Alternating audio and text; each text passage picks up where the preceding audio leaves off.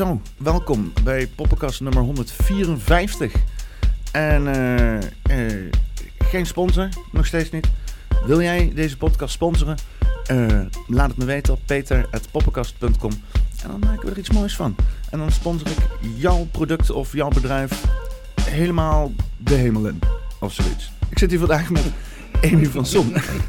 We kunnen boek, het boek sponsoren boek? voor deze aflevering. ja? Mooi, ja.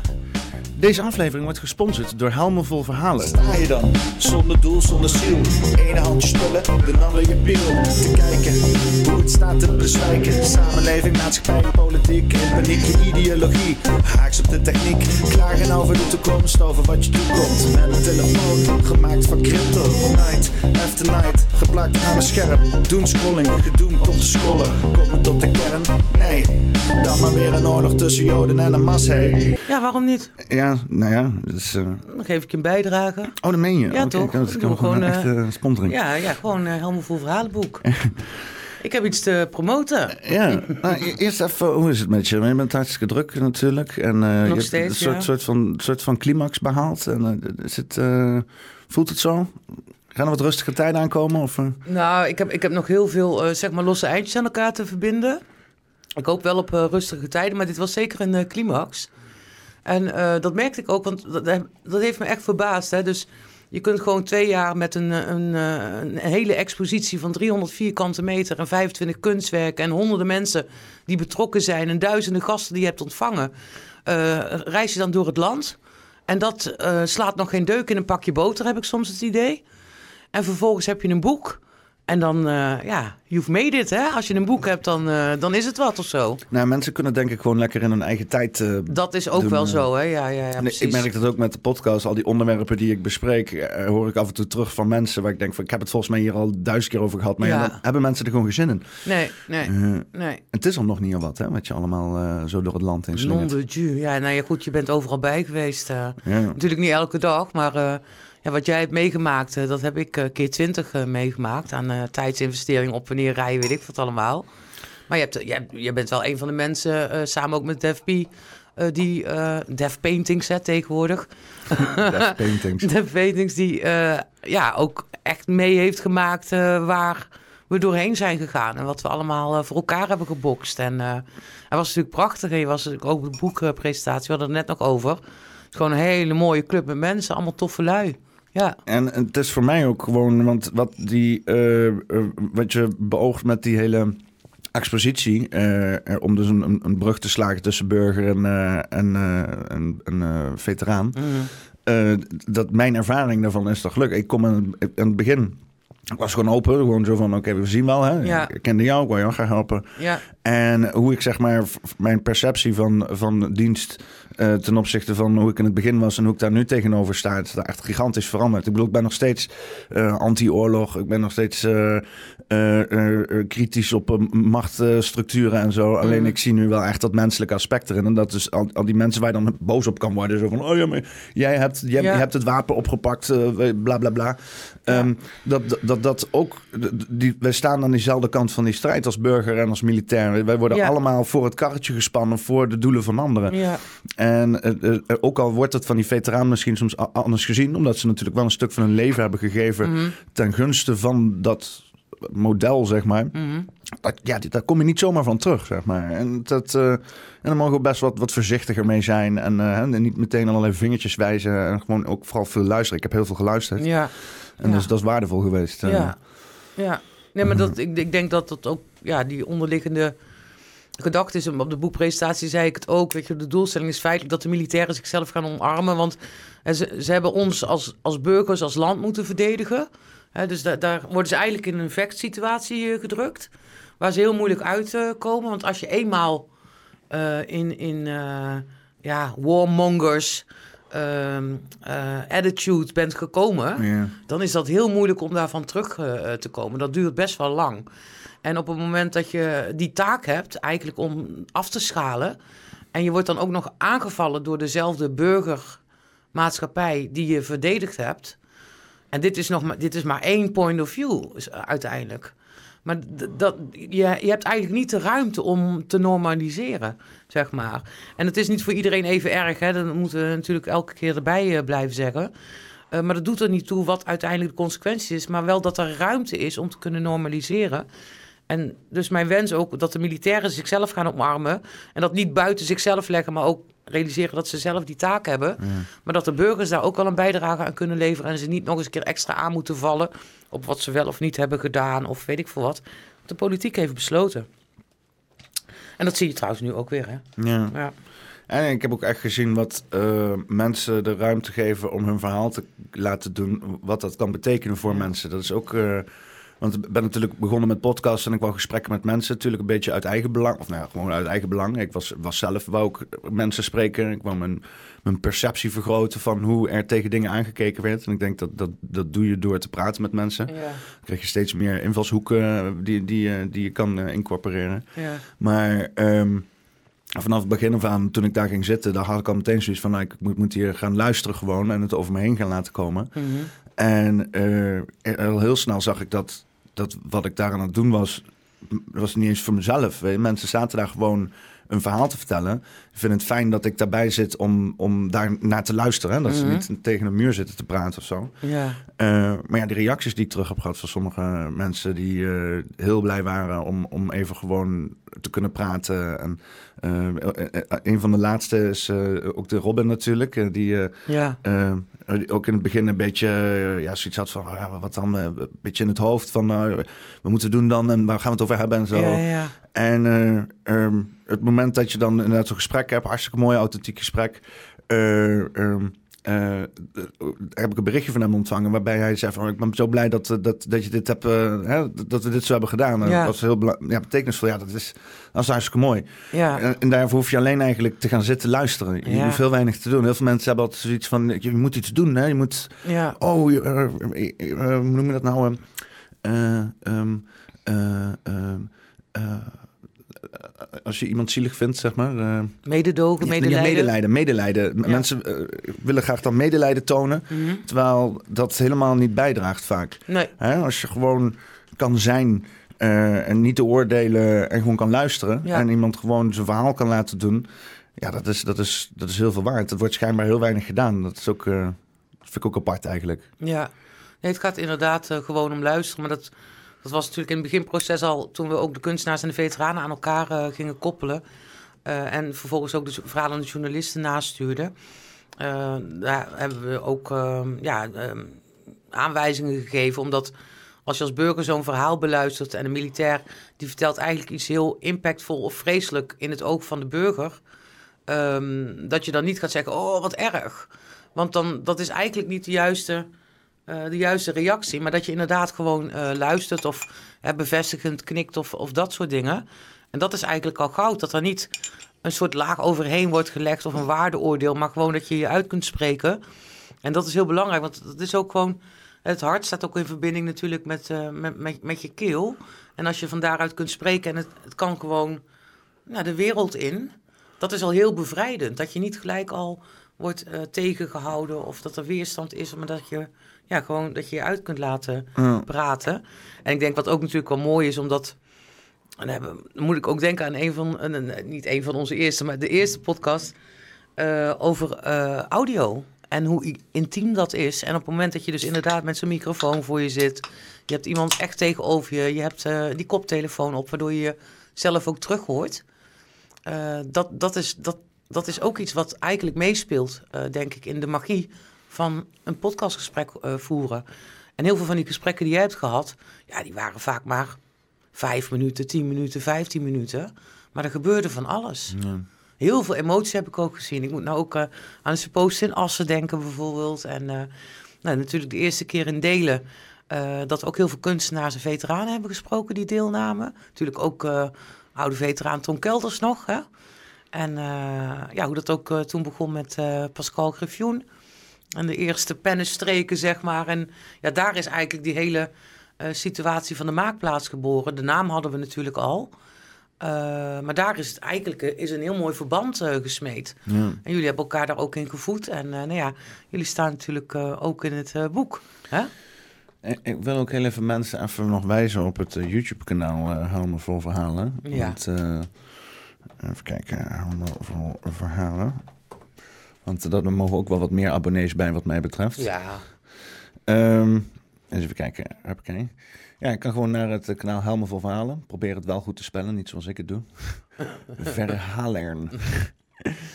Ehm, ja, want het, eh, eh, het gesprek van, van Robin waar, je het over had, waar ik het over had, die, was, is, was die ook al gepost of niet? ja die is ook al online.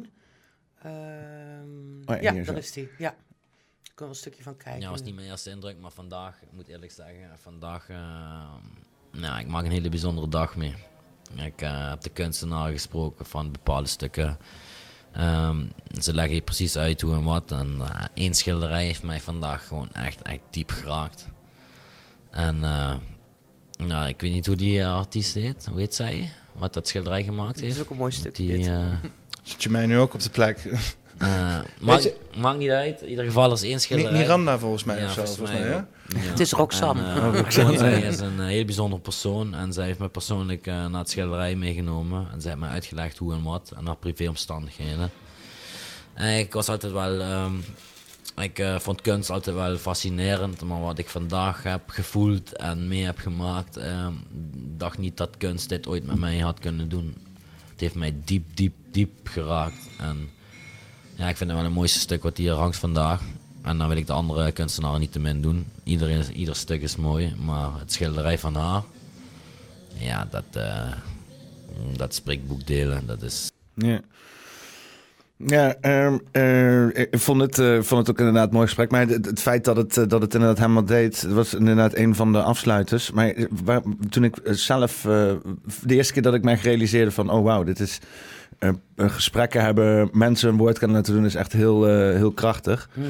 En dat was, in, eh, ehm, was inderdaad die audio die helemaal eh, slecht ging. Hebben die uiteindelijk ook nog gepubliceerd of niet? Met, Nee, er zit misschien eentje bij, die zo half-half, waarvan ik dacht, nou ja, laten we het dan maar toch doen. Maar er zijn een aantal podcasts uiteindelijk toch gesneuveld. Onder andere eentje met een Libanon-veteraan die helemaal naar Assen was gereisd. Eh, die hebben we nog wel ergens op de computer staan. Misschien dat we nog een keertje zouden kunnen kijken, maar die heeft het niet overleefd. Want later hebben we hem toch, toch nog wel een keer Ja, we hebben een aantal opgenomen. podcasts hebben we opnieuw opgenomen, maar eh, ja, eh, deze is bijvoorbeeld twee keer opgenomen. Ja, het is ook een keertje extra Was opgenomen. was dat niet met... eh, Ja, met Ger waren er ook twee. Ik heb laatst die van Thomas Koenders online gezet. Die was audiotechnisch ook niet zo heel geweldig. Ja, in het begin zaten we even te worstelen hè, met eh, de opnamevorm. Ja, het was elke zo. keer worstelen, afhankelijk ook van de plek. Had je wel of geen wifi, ehm, eh, middelen, eh, dat ja, soort het is dingen. altijd weer puzzelen met die hele... Maar, eh, ehm, ehm, eh, eh, hoe heet die? Nou ja, misschien haal ik wat dingen door elkaar heen, ik weet het niet meer. Maar in ieder geval, want er was ook een meneer die, die barstte toen ook in tranen uit. Die was die opname die niet goed was. Die- Mhm. een- het zijn die drie supposten die altijd bij elkaar zijn. Ja, ja. Nu ook bij de boekpresentatie Ja. meteen, hey Peter. ja, ja, ja, mooi En, hè? eh, eh, ik ben, ben heel slecht in de namen. Ik vergeet iedereen's naam altijd. Maar eh, eh, eh, met dat gesprek met hem... en ging dan ook over dat hij, dat hij een stuk was van informatie, ja, informatica. Nieboer. Je, je hebt er, bent er net voorbij gescrolld. Klein stukje omhoog, denk ik. Oh, ja, dat is hem. Ja, die hebben we twee keer opgenomen. Oh, maar normaal heeft hij een bril op dan of Ja, zo, of klopt, niet? Klopt. ja, ja, even kijken. Die gaat zijn gang. We leven in een hele egoïstische wereld op dit moment. En mensen spreken elkaar haast niet aan. En als jij dan wel mensen eh, bijvoorbeeld ergens op zou, wijzen wat, wat absoluut niet klopt. Ja, dan wordt dat wel eens. eh, dan moet je heel voorzichtig zijn eh, met van tevoren even heel goed nadenken van kan ik dat wel zeggen? Want eh, ja, voor hetzelfde geld eh eh, krijg je knal voor je harsens. Ja. Eh, terwijl het misschien niet Of een terecht advocaat. is. Maar dat is gelukkig nog niet voorgekomen. Nee. Ja, het is eh, die, die, die, eh, eh, In ieder geval, eh, ehm, eh, in- dat gesprek, daar ehm, eh, kwam naar buiten dat hij dus dan informatie beschikte, nog steeds, waar hij niet over mag praten. Ja. En dingen heeft gehoord en gezien die Ja. gewoon heel erg eh, heftig zijn. Mhm. En eh, ik, ik kan me daar ook wel een beetje in vinden, zeg maar. Hè? Ik bedoel, eh, vast niet in, in die mate en vooral niet met die manier van verantwoordelijkheid dat je er niet over kan praten. Het is een Mhm. landsbelang en zo. Ja. Ehm, Of belang van je maten. Ja. ja, maar, maar inderdaad jezelf ehm, allerlei informatie toedoen. Waar je dan ook mee moet eh, gaan leven. En ook misschien niet altijd over kan praten, omdat niet iedereen daarop zit te wachten. ja, ik herken het bij mezelf. Hè. Ik weet ook heel veel dingen eh, die mensen liever niet eh, willen horen. Ja. Dus ja, ja, maar het is ook een heel. Ja, ik weet niet, het deed me toch wel aan. Ik denk van dit is. En je zag het er namelijk ook dat het gewoon. Het is een heel eenzaam bestaan. Ja. Zeg maar. Dat je ja, in- dingen weet die anderen niet weten. En daar ook niet over mag praten. En dat is ook wel een beetje in zijn vorm heel erg prominent. ja, Maar bij veteranen allemaal wel ja, eh, aanwezig. ja, klopt. Ja. Ja. en daar ook... ehm, kijk, want heel veel dingen komen later pas eh, naar buiten. Bijvoorbeeld eh, een paar jaar geleden, anderhalf jaar, twee jaar geleden... kwamen er natuurlijk over de oorlogsmisdaden van de Australiërs in Afghanistan van alles naar buiten. Hm. En dan ben je 10, 15 jaar verder. En dan gaat alles weer schuiven. Natuurlijk, dat was ook met de val van Afghanistan. Ja. Dus dan, dan krijg je ook de vraag van, ja, eh, eh, was het nuttig of niet? Nou, en dan neem bijvoorbeeld de familie Chris, Marianne en Wil Chris, wiens zoon is gestorven in Afghanistan. En die zeggen ook van, ja, nee, het had wel eh, een doel, het had wel nut. En niet in de laatste plaats, omdat Tom dat aan het doen was wat hij het liefste deed. Die was bezig met het uitoefenen van zijn vak, met een beroep, wat niet iedereen gegeven is. Nee. En ehm, ik denk dat dat heel waardig is om daar ook eh, gewoon aan vast eh, te houden. Dat hij aan het doen was wat hij het liefste wilde. En ja, dat zoveel jaar later de, ja, de, de, de wereldtaferelen veranderen. Ja, dat, dat, ja, alles verschuift, eh, zeg maar. Ja. Want, heb je zelf dingen vanuit de dienst of zo waar je moeilijk met mensen over kan praten? Nee, op zich niet. Kijk, bij de marine, natuurlijk ook al eerder over gehad, je wordt gewoon geplaatst op een schip. En dat is eh, dan de komende paar jaar is dat je thuis. En of je nou meedoet aan een oefening of je zit in een missie, dat schip blijft gewoon dat schip met een dagelijkse gang van zaken. En een wacht en eh, een aantal momenten in zo'n missie of tijdens een oefening. Dat je binnenloopt in een haven voor onderhoud of bevoorrading of wat dan ook. Dan heb je een paar dagen vrij en dan gaan de trossen weer los. En dan, dan begint het hele gezeik van voor aan. Dat is 24 uur per dag, 7 dagen in de week. Zolang je op zee eh, zit. Ja. En daar heb je gewoon eh, ja, je, je, skills, je drills, dat wat je moet doen. En, en dat doe je dan eh, gewoon. Ehm, waar je dan misschien wel, nou ja goed, weet je, je hebt onderling kun je natuurlijk heibel, heibel krijgen. Je zit wel met 150 man op zo'n boot. En eh, ja, je kunt er niet af of zo. Jullie zeggen van ik ga even een pak sigaretten halen. Dat kan niet. Maar ehm, ehm, ja, we hebben een aantal incidenten gehad. Een bijna aanvaring, eh, radar op, we waren gelokt. Eh, ja, er zijn altijd wel eh, ja, kleinere of grotere incidenten. Maar het ligt heel erg aan of, of je daar ook ja, actief bij betrokken bent of niet. En ik weet in het proces ook van helemaal vol verhalen. Op een gegeven moment had een jonge veteraan, die had zich eh, aangemeld. En ehm, dat was volgens mij iemand van de technische dienst. Maar die was ook boords- boordschutter bij eh, de anti-piraterij. En op enig moment, want ze hadden wel een beveiligingsdetachement van mariniers, korpsmariniers eh, aan boord. Die meestal het enteren deden van eh, schepen, koopvaardijschepen die waren bezet door piraten. Maar op een gegeven moment ja, was dat peloton was al op een ander schip. En toen kwam er nog een schip wat ze moesten gaan ontzetten. En daar heeft hij een bepaalde taak eh, gekregen waar hij op dat moment nog niet helemaal eh, ja, tegen opgewassen eh, was. En dat heeft later heeft dat wel uitgespeeld. En ik heb met hem ook gesproken. Hij is uiteindelijk niet in het project gekomen. Hij heeft zich teruggetrokken.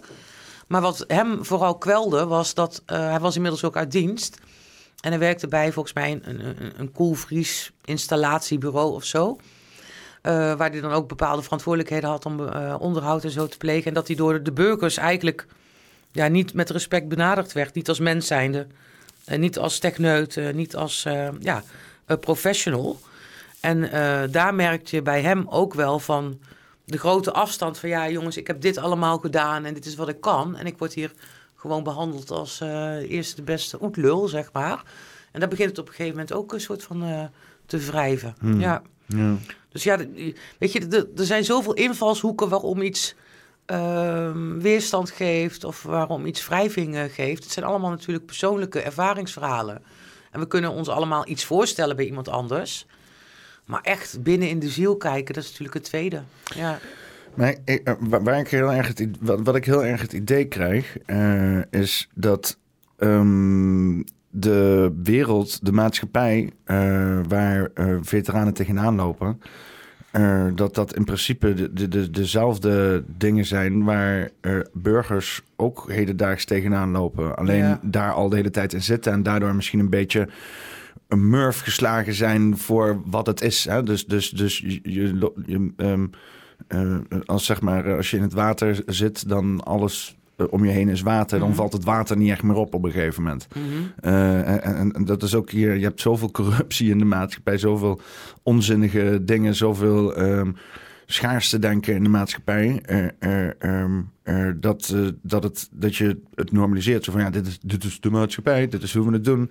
En dat die militairen, dat jullie als veteranen hebben gezien hoe het anders kan in een collectief, in een, in een, in een structuur. En dan vervolgens die maatschappij inkomen en precies haaks staan op, op, op, op hoe, hoe, ja, gewoon precies zien van, van ja, waarom is het eigenlijk zo? Dat hoeft helemaal niet.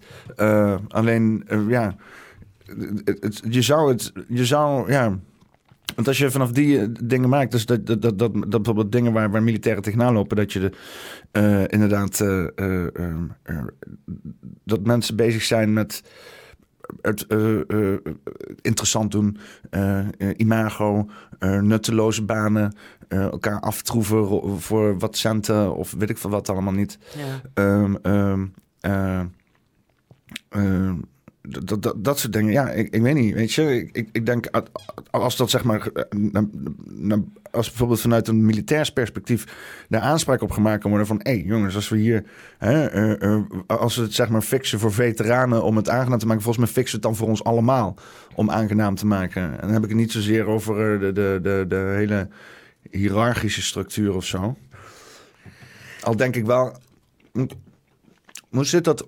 Hoe zit het, want, hoe zit het in jouw beleving, zeg maar? Is daar een wens voor meer structuur als je terugkomt in de maatschappij? Nou, kijk, oh, dat vind ik lastig. Toen ik eh, uit de dienst ging, was ik nog maar eh 23, 24. En eh, ik weet wel, toen ik, eh, ik heb toen een jaar schroevers eh, gedaan en toen ging ik solliciteren. En eh, dat aanmatigende, wat ik ook net vertelde van die jongen die dan hè, in de koelvries installatiesferen zat, dat kwam ik ook al snel tegen. En dat ik dacht van ja, eh, iemand is dan een paar jaar ouder, die doet de stropdas om en eh, die noemt zich manager en die denkt dan dat hij alles over jou kan vertellen. Maar ik heb natuurlijk al, toen ik al best wel veel levenservaring op gedaan, natuurlijk buiten de marine ook al. En eh, dan heb je een weerwoord. Nou, in die tijd, en dat merk ik ook in het project, de laatste vijf, zes jaar dat ik het project eh, doe, ben ik meer vrouwenhaat tegengekomen dan mijn hele leven. Zeg maar, dus ik heb daar eigenlijk nooit last van gehad. Ik vond gewoon ergens iets van en dat probeerde ik dan ook te bewerkstelligen. En ik liet me niet piepelen eh, door eigenlijk niemand niet, of het nou een manager was of een directeur of een vent die te veel ego heeft of vrouwen die aan het zuigen zijn. Maar in dit proces ben ik dat eigenlijk nog veel meer tegengekomen dan al die tientallen jaren daarvoor. En ik denk met, eh, waar je net ook over begon, die veteranen op missie, die hebben natuurlijk een eigen club. Dat is een soort eigen eh, ja, brotherhood. En er zitten natuurlijk ook vrouwen bij. Maar zij worden in een, in een kaal missiegebied eh, gezet. En dan gaan eerst de genisten, die gaan natuurlijk infrastructuur maken. Er wordt een kamp opgezet en ze hebben daar een doel. Alleen, ze hebben ook voor een groot gedeelte vrij spel. Met minimale middelen moeten ze daar een aantal dingen bewerkstelligen. Waardoor de relaties onderling ook anders worden. En natuurlijk ook hechter. Op het moment dat je terugkomt in de burgermaatschappij, dan moet je allemaal weer in het gareel. En dan moet alles, alles weer in hokjes. En als je zegt van ja, als, als de veteranen dat zouden kunnen bewerkstelligen, dan zou dat ook afstralen op de burgers. Maar de veteranen, dat weet ik ook van mezelf, eh, vanuit Defensie krijg je niet het beeld mee dat je een bepaald soort waarde hebt. Want je bent gewoon een teammember en je moet vooral niet, meer, niet denken dat je meer bent dan de rest. Met die gedachte ga je eigenlijk ook de burgermaatschappij in dat je een mindere burger bent dan de echte burgers. En dat is totaal niet zo. Maar dat is wel die mindfuck die ze je meegeven. En want alles wat je hebt geleerd in Defensie, ehm, en misschien is dat nu ook al wat anders, eh, maar daarvoor krijg je niet dat papiertje wat ook een waarde heeft in die burgermaatschappij. Als jij zonder eh, eh, opleiding Defensie in bent gegaan en je bent inmiddels eh, doorgegroeid, je bent 35 en je zit bij wijze van spreken op HBO-niveau, dan krijg jij niet daar iets voor dat dat bewijst. Dus je wordt eigenlijk gewoon weer ja, een soort platgeslagen. En dan moet je opnieuw je weg gaan vinden in die burgermaatschappij. Ja, het stomme is, want ik heb dan negen jaar lopen studeren en zo twee diploma's binnengesleept. Met het gevoel daarna dat ik denk van ja... Nou ben je eh, er. Nee, Oh. nee, nee. Het, is ehm, achteraf echt zoiets van als ik gewoon was begonnen met doen. Ja, Hè, als dit bijvoorbeeld, want dit, dit zou ik in principe negen jaar geleden ook hebben kunnen gedaan. Dit deed ik ook gewoon. Ja. En dan eh, Iets anders, ja. eh, Met, met van mezelf op mijn kamertje en zo. ja. Dan was ik nu heel, het was een stuk verder geweest, zeg maar. hè? En, maar ik heb me dus negen jaar lang lopen studeren. Bak geld aan kwijtgeraakt, studieschuld 35.000 euro. Ben je er Ehm, al vanaf? Nee, Nee, die staat nog. ja. Shit. En eh, ehm, ehm, om uiteindelijk tot de conclusie te komen, je moet het allemaal zelf fixen. Niemand de vak gaat vragen naar je diploma. Jij moet jouzelf was- verkopen. Niet, ja. niet de, het verhaal wat jij hebt, gem- eh, wat, wat, wat, wat in jouw diploma staat. Ja, Jij moet weten wat je kan en jij moet dat weten te verkopen aan een ander. En anderen moeten daarvan overtuigd zijn. ja, maar dat was voorheen wel. Hè? Dus eh, eh, toen ik in 1994 de, de normale arbeidsmarkt eh, betrad... eh, dan kon je inderdaad een brief en een cv sturen. Maar dan moest je ook nog een kopie van je, eh, van je examens eh, sturen. Soms moesten er zelfs nog cijferlijsten bij. Je, je moest echt wel overleggen. En dat is op een gegeven moment is dat er ook een soort van afgegaan. Misschien ook door de vluchtigheid in de wereld of zo. En nou moet je gewoon een beetje gesjezen eh, cv sturen en zorgen dat je niet eh te veel rotzooi hebt getrapt eh, op Het moet behoorlijk zijn. Ja, nee, ja, ja. Het is toch allemaal kleurtjes en blokjes. Het gaat ook helemaal nergens meer over. Je, je benoemt jezelf, eh, weet ik, vijf karaktereigenschappen. En dan moet, moeten we dat allemaal maar aannemen. En ik, ja, ik zie dat ook gewoon de hele wereld wordt bij iedereen- elkaar gefaked gewoon. ieder- ja, iedereen kan alles op zijn cv Oh, zetten. Wat ze. Want ik, ik heb altijd gewoon mijn cv simpel en gewoon gehouden naar wat ik ben. En niet meer, niet minder. En, eh, maar dat werkt gewoon niet. Hè? Dus dan, want mensen willen dan inderdaad... eh, want je concurreert met, met grote bullshitters... die allemaal eh, cv's hebben laten maken... of gewoon online hebben eh, gecreëerd... Ja, of met. AI of weet ik veel wat. En dat representeert hun helemaal niet. Maar Nee. toch, die wervingsagenten, die interesseert dat niet. Die willen mooie cv's afleveren... want het zijn van vaak wervingskantoors... Aan de bedrijven. Die zijn ook helemaal niet pers- persoonlijk betrokken. Die boeit het eigenlijk ook niet wat op lange termijn gebeurt met zo'n bedrijf. Dus de- inderdaad, er wordt ook in die hele sollicitatieprocedure, er is zoveel bullshit gaande. Dat gaat helemaal nergens over. En eh, ja, ik, ik zit er nou een tijd tussen. Ik heb dit jaar eh, flink wat, ik heb dik 50, 60 sollicitaties Yo. eruit gedaan. Yo, ik, ik, ik krijg van twee maar reactie terug. Ja, en dat, dat eindigt dan, en dat eindigt dan in, in een gesprek van, eh, van anderhalf uur met iemand en dan, dan niks. Ja. Weet je wel, het vreet alleen maar tijd wat nergens naartoe gaat. Ja, dat is gewoon ook, ook zonde van je tijd. Maar het is wel grappig dat we hier nu op deze manier eh, terechtkomen. Want het gaat eigenlijk over authenticiteit.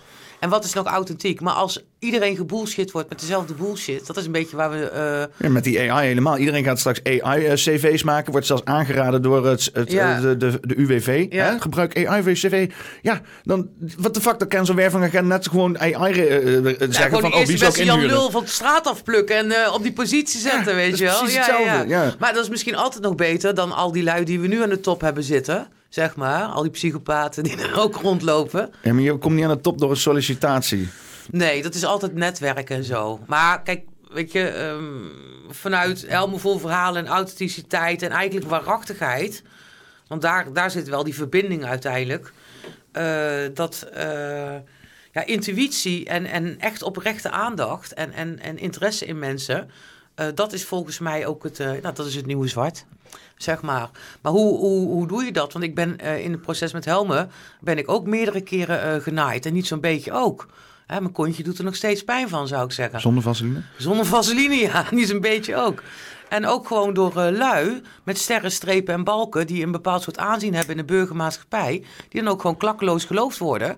terwijl ze echt de meest smerige trucjes hebben uitgehaald. Ja. En ik heb het allemaal overleefd, dus thank God to me, zeg maar. En ik van ja, hè, ik ben eh, toch ik heb meer haar op mijn tanden dan dat ik gedacht had. Maar ik heb echt heel vaak met open mond en tranen in mijn ogen. Dat ik dacht, dit kan niet waar zijn. Nou, het was echt waar. Ik denk wel dat heel veel van die powerplay gewoon echt zware bluff is de hele tijd. Alleen maar om jou moed te maken gewoon... eh, Ja, ik heb ook wel heel erg het idee gehad dat ze mij heel veel af, hebben af willen leiden, zeg maar.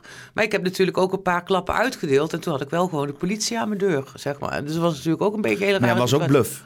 Want die kon ook niks. Nee, die, kon, nee, die moest een beetje lachen ook. Ja, Ja. ja, ja. Maar ja, dat is allemaal inderdaad om een soort van schijn van macht eh, te, te projecteren... die er eigenlijk helemaal niet is. Ja, maar nu heb ik ook zoiets van, als dat gebeurt, dan moet ik er eigenlijk alleen maar om lachen. Maar ik onthoud het wel. Ja. Ik onthoud het wel allemaal. En mijn tijd komt nog wel. Denk ik dan ook. Ik ga er niet actief op eh, zitten. Dat is net zo'n beetje als met karma of zo. Maar ik denk van ja, als ik het zuiveren en het goede blijf doen... en ook op die manier blijf handelen... Want op een gegeven moment, als je zo fucking aangevallen wordt op allerlei fronten... dan heb je zelf ook de neiging om vieze spelletjes te gaan spelen. Maar daar ben ik altijd uit weggebleven. Ja, je wordt meteen rancuneus en zo. Ja, maar dan dat, moet je eh, niet. eh dan weet ik tegen jou ook nog. Dan zei je op een gegeven moment tegen mij: van, ja, Wat fijn dat je niet verbitterd bent. Nou, ik zat er wel, ik zat wel tegen het randje aan, eh, zeg maar. Ja, ja, ja. Ja, maar daarom, kijk, dat is. Ja, daarom ben ik ook blij met het boek. Want die expositie is natuurlijk nog steeds een soort vluchtig iets. Dat is iets in het moment. En natuurlijk hebben we prachtige tijd en zo met elkaar gehad. En we hebben eh, YouTube, maar eh, eh, filmpjes en zo en foto's. Maar ja, misschien verdwijnt het ook wel eens. Maar zo'n boek, ja, dat blijft natuurlijk wel een boek. Maar even wat foto's van de boekpresentatie erbij Ja, pakken? leuk, leuk, leuk. Ja. Dus, eens even kukeluren. De foto's zijn gemaakt door huisfotograaf René Wouters. Nou, die ken jij ook inmiddels goed, hè? Met de kleine camera. Met de kleine Leica-camera. Ja, ja, want dat was ook grappig. Eh, dan heb je alles geregeld, draaiboeken gestuurd. En toen kwamen we er uiteindelijk achter dat eh, één fotograaf, die was niet gekomen. en de andere fotograaf, eh, die was van het Financieel Dagblad. Er komt een mooie special over, helemaal vol verhalen in het Financieel Dagblad. Deel 1, laat ik het maar zo zeggen. En ehm, die had die ochtend ook wat foto's gemaakt. En had René gezien dat ik daar iets over op Facebook had gezet. En toen had hij gedacht, ja, ik hoef mijn camera niet mee te nemen. Er is al een fotograaf. Ja, ja, ja. Dus die zat met zijn kleine camera, maar die heeft... eh, En ze hadden elkaar uitgecanceld. zeg ja, maar. zei, oké, ja, precies. Maar ze hebben, hoe heet het, hij heeft eh, heel hard gewerkt en de, en de Leica-camera ook. En Ah, René- met een kleine camera kan je nog steeds goede foto's maken. Precies. En René die, die reist ook al, eh, ja, eigenlijk zolang ik, als ik hem ken, eh, sinds eh, 2010. En die is altijd aanwezig bij projecten en eh, ja, die fotografeert altijd. En eh, ja, het was gewoon weer een eh, super eh, weerzin. Zie je hier ook op deze foto, er staan mensen die nieuw zijn, mensen uit Assen of uit Arnhem. Even kijken, daar staat, nou, Robin Boon staat hier. Sta samen met Rutger Saathoff, de huidige commandant van de Limburgse Jagers. Nou, Roy Grimwis staat er, Pierre Don. Roy die gaat ook lekker los op ja, eh, Twitter. Hè? Dat, Roy eh, is, eh, ja... Uitgesproken. op Ja, zijn minst. Ja, maar goed, hij, hij, hij weet waar hij het over heeft. En eh, hij kan ook heel slecht tegen onrecht. En het was heel mooi. Toen ik eh, Roy eh, leerde kennen, had hij drie volgers op Twitter. Maar die, die crowdfund voor Ton Kelders was zo succesvol. En ik denk dat heel veel mensen hebben, dat ze Roy gewoon zwaar onderschatten. En, eh, en dan, dan zit je echt fout. En denken van, oh, dat is gewoon een of andere doorgeslagen idioot. En dan komt hij gewoon met facts en shit. Ja, maar hij, hij is ook eh, gewoon grondig en hij is eh, zuiver. En ja, goede vriend in Roy. Dat is wel de beste positie waar je in kan zitten als mensen je onderschatten natuurlijk. Op zich, ja, op zich wel. Ja, ja, maar goed, mm, ja, hij was ook bij de aanslag van Tom Christ. Hij is zelf ook gewond geraakt. Hij zit nog wel bij Defensie, maar nu als burger. Ja, en ja, maar, can't fuck with eh, Roy, eh, zeg maar. Ja. Even kijken. Eh, hoe? Een van de eindredacteurs met de moderator Bruno van Elshout en Joeke Nagel. En is in het uh, provinciehuis, ja, ja, Gelderland. bij de ontvangst. Nou, je staat er zelf ook op, hè? Ja, zag ik daar te Met mijn jas aan. Met je Ieder- jas aan, ja, ja, ja. Ja, jij ook trouwens. Oh ja, ik ook. wij zijn, wij zijn jas, binnen jas aan ja, mensen. ja, ja, ja, ik heb het altijd koud. Nee hoor, dus, eh, zijn, gewoon lekker om iets om je heen te hebben. Wij zijn gewoon altijd klaar om exit te gaan. Ja, ja, ja. Meteen. Rocco Osterman, die eh, onlangs is uitgeroepen tot eh, Arnhemse held. Meen je? Ja, dit jaar. echt een mooie... Arnhemse held. Het nummer is ook goed, hè? Want het Hurt van... Word van Johnny Cash. Johnny ja, dat vind Cash, je ja. fantastisch. echt Trouwens, eh, ik heb eh, niet alleen een aftermovie van de boekpresentatie, maar als het goed is hebben we ook de hele boekpresentatie integraal opgenomen. Daar is Jane Collins nu mee bezig en dat komt op enig moment ook online. Dus we hebben, als het goed is, de hele presentatie. Oké. Ja, ja. Even kijken. Nou, ik heb lol, dat is fijn. Gewoon uitzicht. Ik- Want het is wel leuk, want je hebt hier aan de zijkant, ik weet niet of dat, dat nog... eh, ja, hier aan die zijkant heb je zeg maar, kijk je uit op het plein. En eh, ik ben op dat plein ben ik toen eh, tijdens de coronaprotesten ben ik opgepakt. Ja, ja, ja. Maar ik stel me dus voor dat dus hier op dat plein waren mensen dan aan het protesteren. En dat dan al die eh, eh, eh, eh, provinciehuismensen daar zo echt zo naar boven, van bovenaf naar beneden staan te kijken voor die grote ramen, zo op die protesterende mensen. Zo van, kijk het gepeupel toch, ze maken zich druk over zaken. Nou, er gebeurde die dag ook heel wat anders ook bij de provincie. Hè? Want daar werd eh, op die dag dat rapport eh, gepresenteerd over eh, wat wanpraktijken bij de provincie. En dat was nog niet bekend toen wij de boekpresentatie... we wilden eigenlijk in december, want toen kwam het boek ook op de markt. Maar dat kon toen niet voor de provincie. Dus toen kwamen ze zelf met een nieuwe datum. Dat was 11 januari. En we hadden zoiets van, ja, oké, weet je wel, dat is wel onhandig met nieuwjaarsborrels en zo. Maar natuurlijk hartstikke blij dat ze dat hosten, super. En net voor de kerst hoorde ik dat eh, tegelijkertijd ook een rapport op die dag eh, gepresenteerd zou worden. Waardoor we dus eigenlijk naar de kleine zaal moesten. En anders hadden we daar met 200 mensen gezeten. En hadden we ook de veteranen uit Gelderland uitgenodigd. Maar ik sprak van de week eh, nog even in het voorbijgaande gedeputeerde Peter Drent. En die had er toch wel oren naar om toch nog iets te doen voor de Gelderse veteranen. Dus er zit nog wel iets in het vat. En dat is wel te gek. En nu staat ook de foto-expositie op dit moment staat die ook in de provincie Gelderland. Tot en met 24 januari. Beneden staat hij. En eh, op maandagen en vrijdagen kom ik ook tussen 12 en 1 om rondleidingen te geven. En de foto-expositie is gratis eh, toegankelijk. Ja. Dus we zijn, we zijn heel blij met eh, dat de provincie ons host, zeg maar. Maar er, er hing een beetje een apart sfeertje die dag. Want aan de ene, in de ene zaal werd eigenlijk de macht van het systeem werd besproken. binnen de provincie. En aan de andere kant, aan de, aan de noordzijde, aan de voorkant... zaten wij natuurlijk eh, die 40 jaar Nederlandse missies... en het hele project te vieren met de boekpresentatie. En dat vond dus tegelijkertijd plaats. Toepasselijk. Ja, ik weet het niet. Ik heb, ik heb, als ik dat dan zo hoor, want het is een beetje overal waar ik zeg maar naartoe draai of mijn licht laat schijnen, laat ik het zo maar zeggen, komt de stront omhoog spuiten. En ik krijg dan heel vaak de schuld van dingen. Nee, ik draai gewoon, ik zie iets, ik neem waar, ik analyseer. En dan benoem ik dat. En dan komt het omhoog, weet je wel. Ik bedoel, ik heb geen schuld aan die hele situatie bij de provincie. Maar het is natuurlijk wel heel erg frappant dat dat weer op zo'nzelfde dag eh, gebeurt. Hetzelfde als met eh, de hele situatie op de veteranenbegraafplaats Loenen. Waar je dan achter komt eh, dat ze je maar wat graag een pootje haken uiteindelijk. En proberen voor een, ja, eigenlijk eh, een soort cash cow eh, van iets te maken... wat eh, feitelijk gewoon vanzelfsprekend zou moeten zijn... waar helemaal niet voor betaald zou moeten worden. Een veteranenbegraafplaats, Nee. vind ik. Ja. Ja. ja.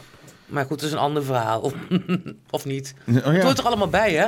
Ja, het is allemaal diezelfde machtsspelletjes, eh, dezelfde houding in de, in de maatschappij van alles valt uit te hoeren, uit te melken. Ja. Iedereen mag profiteren van alles maar. Ja. Want ja, het wel, ik weet niet of dat heel Nederlands is of zo. Maar, maar ja, Ja, maar het zit al heel simpel bijvoorbeeld gewoon in je dagelijkse boodschappen. Als je kijkt wie daar allemaal van profiteert. En de boer ehm, die die groenten verbouwt, wordt er ook niet beter van. Het zijn die supermarktketen, het zijn die eh, monopolies, eh, eh, prijsafspraken, de EU. Iedereen zit er met een, met een paar cent per product eh, in. En eh, over, eh, ja, over de ruggen van de boer en uiteindelijk natuurlijk ook de consument... met je eh, bruto nationaal inkomen en je besteedbaar inkomen... dat zijn degenen die feitelijk boeten voor al die tussenpartijen die ertussen zitten. Ja, dat heeft er ook allemaal mee te maken. er wordt een hoop ge- geparasiteerd op de maatschappij. Ontzettend. En dat is, maar ook gewoon in, in persoonlijke relaties en zo, weet je wel. Dat is echt niet normaal. Ja. Ja, Cor eh, IJzinga, de directeur van de Koninklijke van Gorkum, die ik toen in Assen tegenkwam. eh, toen hadden we een VetX eh bedacht. Hè? Dus geen TEDx, maar een VetX. Dat is ook wel een mooi verhaal. dat Mooi is verhaal, inderdaad wat hij zei van... wat toevallig dat de hoofd van de ondernemersclub in Assen ook een redacteur is. En dat is eh, precies, ja, dat, zo heb ik ook het idee, dat hele project. Dat, dat, dat gaat gaandeweg, komen er dingen gewoon naar je toe. En eh, daar, daar moet je op weten in te spelen of niet. Ja, nou, dat heb En je al eens dit- eerder gezegd, hè? dat eh, als je geen regels stelt, je laat alles los, dan, komen de, dan kunnen de mooiste dingen gebeuren. Ja. Dat zie je bij de Bosperience uiteindelijk ook. En dat heb ik ook, ehm, dat is ook, vind ik, typisch co-creatie. Alleen er zijn altijd eh, bloedzuigers, liedjes, eh, zeg maar, eh, mensen die eh, van alles komen halen en niks eh, geven. Ik eh, denk aan een, kinderbak, zeg maar. En eh, ja, daar, heb je ook gewoon mensen in je project eh, die op diezelfde manier erin zitten. En op het moment dat je zoiets hebt van, nou, er is genoeg eh, genomen door jou, maar dan ga je zelf iets doen, ja, dan worden ze een soort van hysterisch. En dan gebeuren er hele rare dingen. Maar ook dat eh, ja, probeer ik altijd een beetje in goede banen te leiden. Wat dat betreft hebben ze ook wel een slechte aan mij, weet je wel. Ik, eh, ik creëer heel veel ruimte. Ik ben eigenlijk feitelijk een soort van grenzeloos. Maar op het moment dat jij opzettelijk, eh, gepland, gescheemd, bedacht, mij in de weg gaat zitten, dan heb je een probleem. Ja, ja. En dan ga ik jou niet aanvallen op eh, wat je mij hebt aangedaan, maar ik ga jou dan benoemen op wat jij zelf fout doet, zeg maar. Dus ehm, ik heb een paar lui eh, ook ontmaskerd eh, die eh, likes kopen voor een Facebook-post of abonnees. Ja, dan is het, ik bedoel, ik val jou niet aan op dat stuk, maar ik benoem gewoon, hé, hey, jij koopt likes. Nou, dan worden ze helemaal gek. Hoe was je erachter gekomen? Ja, op een gegeven moment, ehm, we hadden natuurlijk Vet X gehad. Dat heb jij toen ook gepresenteerd. Hè? Want ik, had, eh, ik moest ook Rianne helpen en ik had allerlei taken. Toen heb ik jou gewoon een microfoon in de hand gedrukt. En heb ik gezegd, jij presenteert het nu. Ja. Ja. Oh, oké. Dat is wat ik hier kwam doen vandaag. ja, ja, ja, precies. Maar ja, goed, that, that's how we roll. En ik weet ook dat je dat kan. En dat heb je ook fantastisch gedaan. Want het was gewoon de eerste keer dat je gewoon het hele programma daar aan elkaar eh, praatte voor eh, 100 ondernemers. Dat is leuk om te doen. Dat was hartstikke leuk, ja. Ik zie je nog staan, hè, je trui. Dezelfde trui. Meestal dezelfde trui, ja. Nou, er was een, een Bordeaux-rode, dat Oh weet ja, je ja, ja. Dezelfde trui, nee dan rood. Ja, precies. En ehm, dat eh, de Vet X die toen georganiseerd eh, werd, die heette Home is where the heart is. En eh, dat was naar aanleiding van het kunstwerk van Harry Vorstenveld, die ehm, ook eh, nou ja, in ieder geval een beetje in de buurt eh, woonde. En die sprak ook eh, die dag. We hadden een podcast, je had toen een podcast opgenomen met een van de kunstenaars van de kunstconstructie, Françoise. En dat stukje hadden we ook toen laten zien. Die konden er zelf niet bij zijn. Dus Harry vertelde over zijn ontmoeting en waarom hij zo belangrijk vond dat er een kunstwerk werd gemaakt voor het thuisfront. Want die zijn eigenlijk ook op missie. En ehm, dat is in het project ook heel vaak naar voren gekomen. Het belang van het thuisfront. En daar hebben we ook echt wel een pion naar voren gezet. En eh, die keer was ook eh, voor de eerste keer eh Kroon aanwezig. bij een happening van Helmo Vol Verhalen. En ehm, dat heeft best wel lang geduurd voordat hij een keertje kwam. En die kwam op een gegeven moment ook met zijn fotografen. Maar dat is ook gewoon iemand die soort losgeweekt is, zeg maar. Ik wil niet zeggen sec van mij, maar zo is het wel gegaan. En die hebben daar een beetje een halve avond rondgelopen. Eh, en wat ik al zei, het onderwerp was thuisfront. En verdomd als het niet waar is, een paar maanden later begint het Nationaal Militair Museum. Noemt zich ineens Museum Vol Verhalen. En ze hebben een event op zondag. Dat heet dan Zondag Vol Verhalen. Ja, je bedenkt het niet. En wie zit daar? Eh, Kroon, die het dan ineens over het thuisfront heeft. En ik heb Kroon al een paar eh, jaren meegemaakt. Maar die jaren daarvoor was het thuisfront helemaal niet belangrijk. Dus je ziet gewoon dat dat soort onderwerpen... die worden gewoon geadopteerd om eh, omdat dat werkt, zeg maar. Ze nemen waar dat het werkt. En dan wordt het toe- toegeëigend. En dan krijg je eigenlijk een, een pakketje schroot met een dun laagje chroom. Het Want maakt het is niet uit of authentiek. Het, ja, het maakt niet uit of het echt is of niet. Nee, zolang nee. het maar in het perceptie van het publiek wordt ontvangen als eh Precies, bla, bla, bla, ja. precies. Dus Kroon die zit daar. En Veteranen TV, daar heb ik ook al eh, wat dingetjes meegemaakt die niet zo heel netjes eh, zijn. Eh, die deden dan zogenaamd de video en het geluid. Nou, daar klopt helemaal geen reet van. Was er ook nog eh, een gast die dan eh, voor KCT podcast, eh, podcast maakt. Nou, het was gewoon een totale aanfluiting. Ze zouden live gaan, dat lukte allemaal niet. En ja, dan lag ik eigenlijk wel een beetje in mijn vuistje. Maar goed, een paar dagen later komt daar dan een serie foto's online... van Kroon in het museum vol verhalen. In zondag vol verhalen, wat dan oh, oh, oh, over het thuisfront gaat. Totaal niet gemeend. En eh, die post komt eh, online. En waar je normaal gewoon, ja, je mag blij zijn als je er eh, tien eh, likes op krijgt. Maar ja, die dame die had gewoon 700 likes gekocht uit Vietnam. En niemand heeft dat in de gaten. Niemand kijkt naar dat. Ze kijken naar dat getalletje en denken ze: oh, wel indrukwekkend. Ja, klik er eens op en ga eens scrollen. En dan vervolgens zie je daar. eh, Kijk eens zien wie de nieuwe likes zijn. en Wie, ja, eh, en als dat, als dat 700 likes uit Vietnam zijn. maar allemaal Vietnamezen of zo. ja, nu, maar de post daarvoor, er zaten Arabische likes op. En dan denk Jong, ik, ja. Jong, Jong Park Soon of zo. Ja, ja, nou, hou. Ja. Oh ja, Nguyen, Nguyen. Maar hetzelfde, zeg maar, wat ze ook flikte was eh, post, eh, likes kopen op post, maar dan uit Arabische landen. Dus oké, jij, jij fotografeert actief dienende militairen, veteranen, met naamlabels, toeters en bellen, alles. En dan ga je in Arabië ga je fucking likes kopen. Dan ben je gewoon niet goed bij je aardappel. En dan weet je, it's all bullshit and it's all fake. En dat, de, kijk, weet je, het is eigenlijk gewoon te zielig voor woorden. Dat zijn mensen die komen op een, op een of andere manier enorm in identiteitscrisis op enig moment. Of als ze ouder worden, als de schoonheid eraf gaat. Of als ze de neptieten, eh, zeg maar, eh, gaan lekken in je lijf of zo. Of eh, ja, als eh, het opspuiten van je lippen niet meer helpt.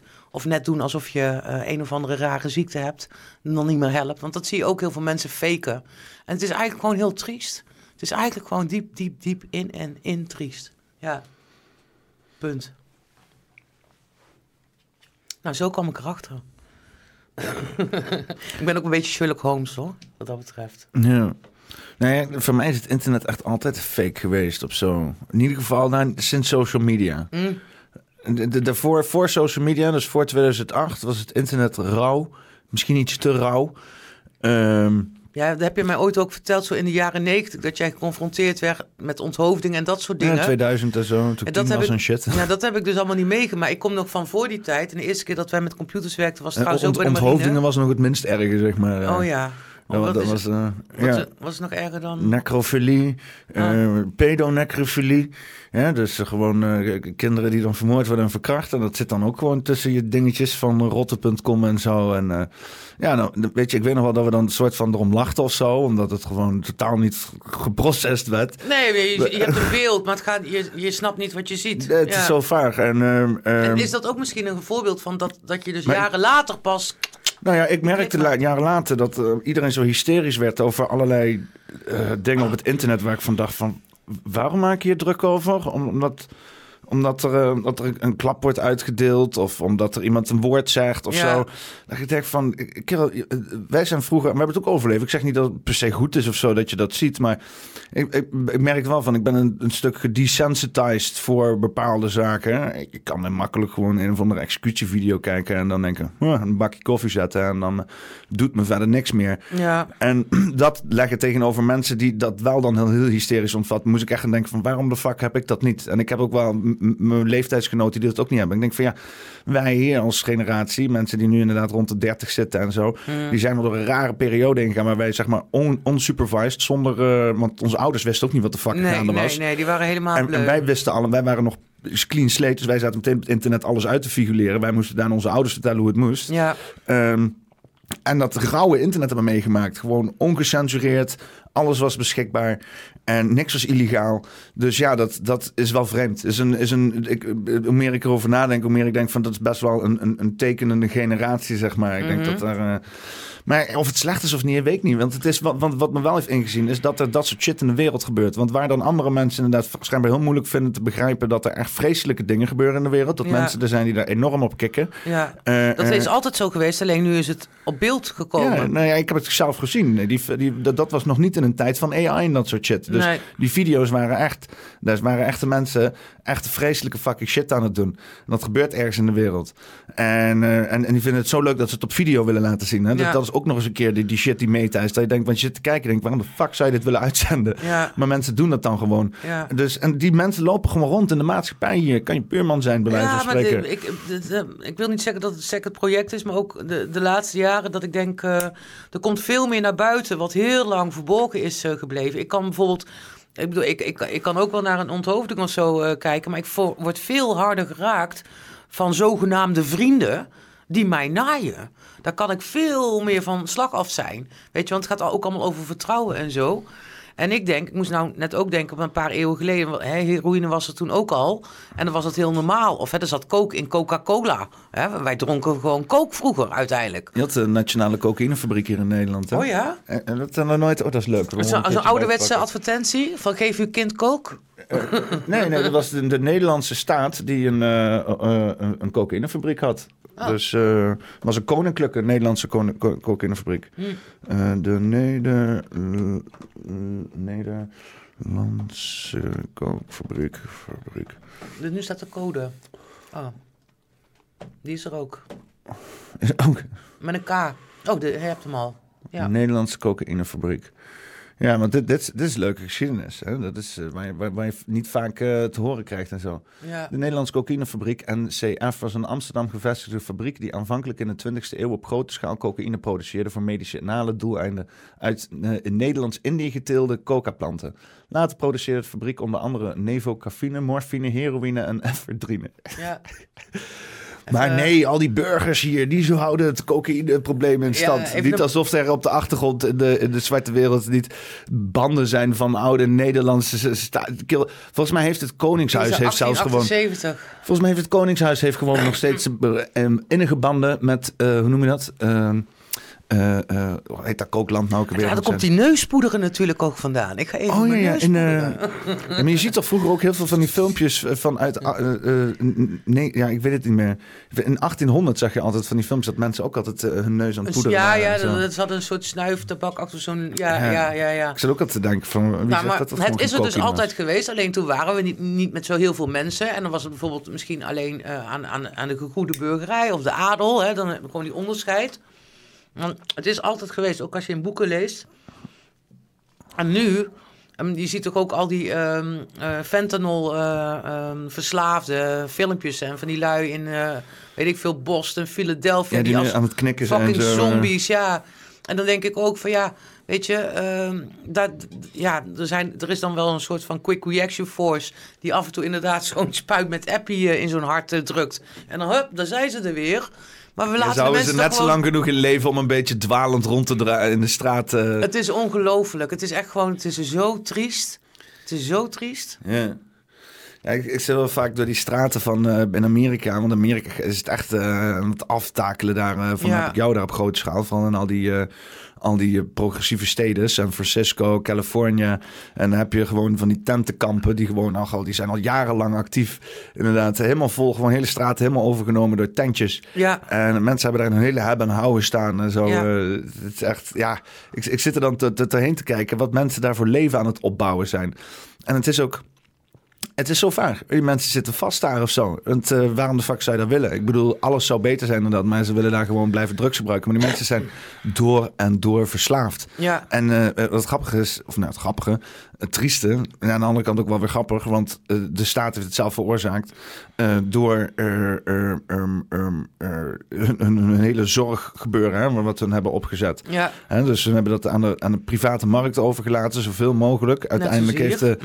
Ja, nou ja, maar nog niet, want hier is het allemaal ernstig gereguleerd. Al kan je je afvragen wat de re- relatie is tussen de grote Big Pharma en de reguleerders. Want daar hebben we in de afgelopen pandemie ook gezien dat dat niet helemaal eh, Nee, zuiver is nee, allemaal. Nee, we staan echt wel op een kantelpunt, heb ik het idee. Eh, maar ja, daar heb je dus in de afgelopen tien jaar de Pardue family... die eh, ehm, ehm, mensen verslaafd heeft gemaakt aan opiaten... door Ja. medici- medicijnen uit te verstrekken. Gezegd dat het veilig is mensen daar verslaafd aan te maken... en dan vervolgens de prijs 700% omhoog Ja. te doen. En die mensen zijn gewoon klakloos in de heroïne gedaan. En tegelijkertijd krijg je ook nog zo'n fentanyl-epidemie. Dus de Chinezen die fentanyl produceren... en dat via Mexico in Amerika brengen... wat een hele goedkope, hele zeer effectieve dodelijke heroïne is, zeg maar. Ja, is 50 keer effectiever als heroïne. Als je een korreltje te veel neemt, dan eh, krijg je gewoon een hartstilstand. ja. Ja, dus dit, alles dat samen. Ja, die mensen, joh. Want het is heel makkelijk om tegen die mensen te zeggen van... ja, je bent toch een fucking sukkel, je moet iets doen. Maar er, is zo'n shitstorm gecreëerd. Ja, Ja, dat dat is- ken je als persoon. Als je een beetje even niet oplet en daar in die hele bende terechtkomt... omdat je even, even iemand vertrouwt zoals je huisarts... Ja, gewoon helemaal de gat voor hem wordt genaaid. ja. Ja, en probeer daar maar mee te dealen. Misschien zou ik ook denken, de straat, als je eenmaal zo hard genaaid bent door iedereen en alles om je heen, dat je denkt, weet je, ik ga gewoon drugs gebruiken en zoek het allemaal maar Ja, precies, uit. maar dat is ook dat hele... op straat, Ja, hier dat voor je voordeur. wij, wij zij denken, wat eh, eigenlijk die, die tweespalt, polarisatie die overal plaatsvindt. En ja, we hebben het dan nu bijvoorbeeld over dat het allemaal vroeger al eh, zeg maar eh, hot and happening was en dan nu met medicijnen. Maar eh, voor eh 10, 20 jaar geleden ging het natuurlijk over, over de hele maïsindustrie. En dat in al ons voedsel overal mais werd gedrukt vanwege een groot overschot. Waardoor we heel veel koolhydraten zijn gaan consumeren. En waardoor er gewoon heel veel overwicht is ontstaan. Dus we moeten allemaal op een bepaald soort manier balanceren. En er zijn partijen die hebben er baat bij dat jij niet in balans bent. En daar alleen al aan mee te werken, zeg maar, indirect, wat ze dan ook doen, dat heeft grote consequenties voor heel veel mensen. Alleen eh, probeer dat maar eens eh, eh, te zien vanuit je eigen perspectief, wat je zelf doet en waar je zelf in meegaat of niet in meegaat, maar ook in het grotere geheel, hoe we beïnvloed worden. Maar ik wil, ik wil niet zeg maar richting Wappie of WEF of zo, maar wel van, er zijn partijen gebaat met het feit dat heel veel mensen onbewust leven. Dat is gewoon een gegeven. Ja. Ja. Nee, ik, ik denk dat, eh, dat, dat je dan, eh, want dat is helemaal niet zo wappie en wef, en dat wordt al geroepen voor de pandemie, is dat die eh, een soort van corpocratie, hè? dus die, die, die mondiale eh, beweging van, van, van groot kapitaal, die eh, overal gewoon de ideale consument wil hebben, want dat is het meest winstgevend. Er zit Ja. verder geen ideologisch belang achter, maar ja, Nee. dat is gewoon wat het grote geld wenst, een ideale consument. Ja. En dat een consument, ideale consument, niet bewust is. Die is zichzelf zo onbewust. Die kan zichzelf. Want marketing, hoe ik zeg maar Ja. ook ben terechtgekomen op het feit dat wij gewoon van top tot teen worden ge, ge, gemindcontrolled, is omdat ik de opleiding marketing heb genoten Ja. en heb gezien dat marketing. Al, wist ik dat, dat het afgeleid was van propaganda. Hè? Dus je hebt het psychologische spelletje aan het begin in 1900. eh, eh, dat wordt op een gegeven moment gekruist met media. Dan heb je de propaganda van de Tweede Wereldoorlog. Dat werd omgetoverd naar public relationships na de Tweede Wereldoorlog. En daar is marketing uit voortgekomen. Ja. Dus psychologische tactieken om gedragsveranderende methodes bij mij op mensen los te laten. Dat is wat marketing ook is. Alleen dan ten goede van een of ander kutproduct in Ja. plaats van eh, maatschappelijke verandering. Maar Ja. dat is tegenwoordig met ideële reclame ook allemaal zo. Ja, en vergeet niet eh, NLP en eh, natuurlijk ook eh, wetenschappelijk onderzoek. Volgens mij hebben wij het daar al eens eerder over gehad in de podcast toen samen met Claudia over het boek Voorbij het dikke ik. Eh, dus je hebt eh, eh, modus 1, 2 en 3 wetenschappelijk onderzoek. Modus 1 was echt omdat je het wilde onderzoeken. Ja. En bij modus eh, 2 kwamen er al invloeden bij van eh, gewenste uitkomsten. En bij modus 3 ging volledig het geld erin. En nu zijn er gewoon onderzoeken waarop bepaalde acties genomen worden. eh, bepaalde strategische keuzes worden gemaakt. Of het nou om voedsel gaat of over wonen of wat dan ook. Die alleen maar ten gunste zijn van een of andere partij. Die op enig moment aan de macht is en dat doordrukt. En eh, ja, ik bedoel, het leven is niet controleerbaar of zo. Maar soms zou je willen van, eh, dat iedereen gewoon even sterk in zijn eigen vel zou zitten. Om dat ook te kunnen onderscheiden. En ook bewust de keuze te maken om iets wel of niet eh, te doen. En ik, ik, ik heb zelf ook in situaties gezeten dat ik me heb laten verleiden om ergens in mee te gaan. En dat je dan ei- eigenlijk wakker wordt uit een hele slechte droom. En dat je gewoon ziet dat iemand je naar de, naar de kloten bewust wil helpen. Ja, en daar dan afscheid van nemen met pijn in je hart. En eh, wegbewegen daarvan. En proberen ja, feitelijk jezelf te redden. Dat, dat kost al genoeg. Ja. Buiten al het gezeik wat er dan verder allemaal nog speelt. Ja. Dat het leven is eh, niet makkelijk, eh, zeg maar. Ja, maar het is ook de dingen die we ons. Ja, misschien hoort dat er ook gewoon bij, weet je. Dat je inderdaad jezelf laat meenemen in dingen en dat je daar weer van terugkoppelt. Want De grote les. Ja, want het, het, het, het vergt natuurlijk ook een zekere dynamiek. Je kan niet de hele tijd van eh, leerjaar 1 tot leerjaar eh, 80 aan één stuk lineair doorbewegen. Dat Nee. moet in, uit, in, uit, in, Klopt. uit bewegen. Ja, ja, klopt. Ja. ja. En Als, eh, als, eh, als een. eh, ja, want ik, ik, ik heb dat constant. Je raakt ergens in geïnvesteerd. En je moet wel. Je kan niet zeggen van oké, ik ga nergens meer in geïnvesteerd worden de rest van mijn leven. Je Ja, moet maar- wel ja, ergens precies, je ja, lust in je leven ja, inleggen. ja, en- en dat kan fout gaan. Dat is het risico natuurlijk. Nou, waar, waar het probleem zit, is zeg maar als je ergens in geïnvesteerd raakt en je ziet het ook echt zitten en het lijkt je leuk en enthousiasme, dan ga je eigenlijk op pad. Dat is een soort verkennen. Dan ben je nieuwsgierig en dan ga je er meer over leren en weten. Maar op een gegeven moment, dan ben je een pad ingegaan, zeg maar, of mensen hebben jou een pad eh, in doen laten gaan en dan loop je eenmaal op dat pad. En dan ben je nog steeds geïnvesteerd. Alleen het gaat je wat makkelijker af. Eh, je hoeft er niet zo heel veel moeite voor te doen.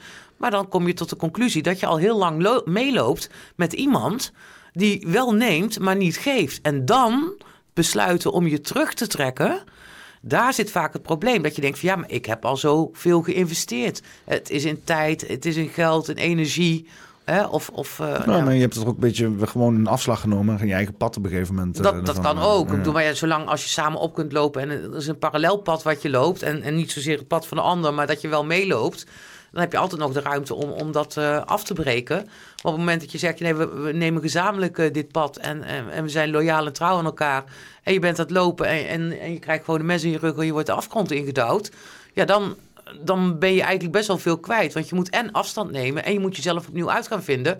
Want hoe ben ik in godsnaam in deze positie terechtgekomen? Ja. Dat is natuurlijk het andere wat speelt. Van ja, ben ik zelf nog wel te vertrouwen? Dat is, je moet Ja, echt jezelf ja, helemaal opnieuw uit gaan vinden dan. Ja, inderdaad. Ja, ja want je, je, je, je zet je eigen eh, eh, capabiliteit om eh, de juiste persoon eruit te vinden in één keer.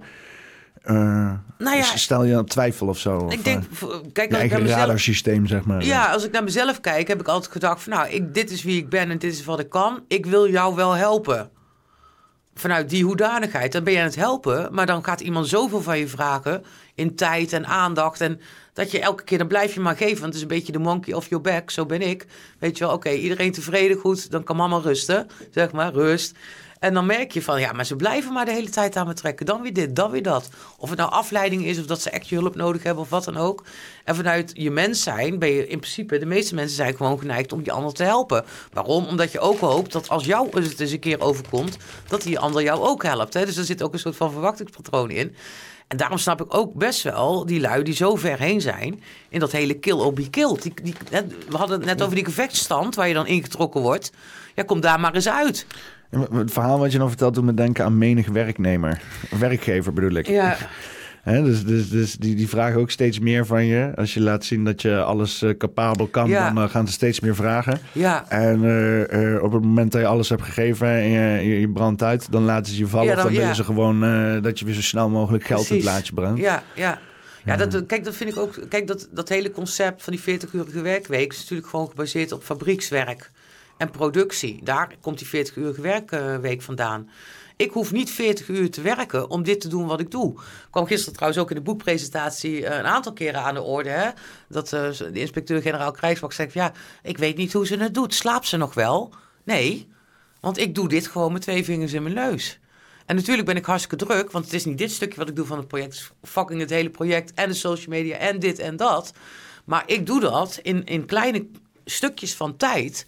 En ik voel, ervaar wat ik moet doen op enig moment. Dat is niet bedacht. Er zit geen Excel-spreadsheet onder. Dat is gewoon met flow leven. En daardoor kan ik doen wat ik doe. Maar dat betekent niet dat ik 24 uur per dag daarmee bezig ben. Maar dat ik wel op een bepaald soort manier de dingen doe.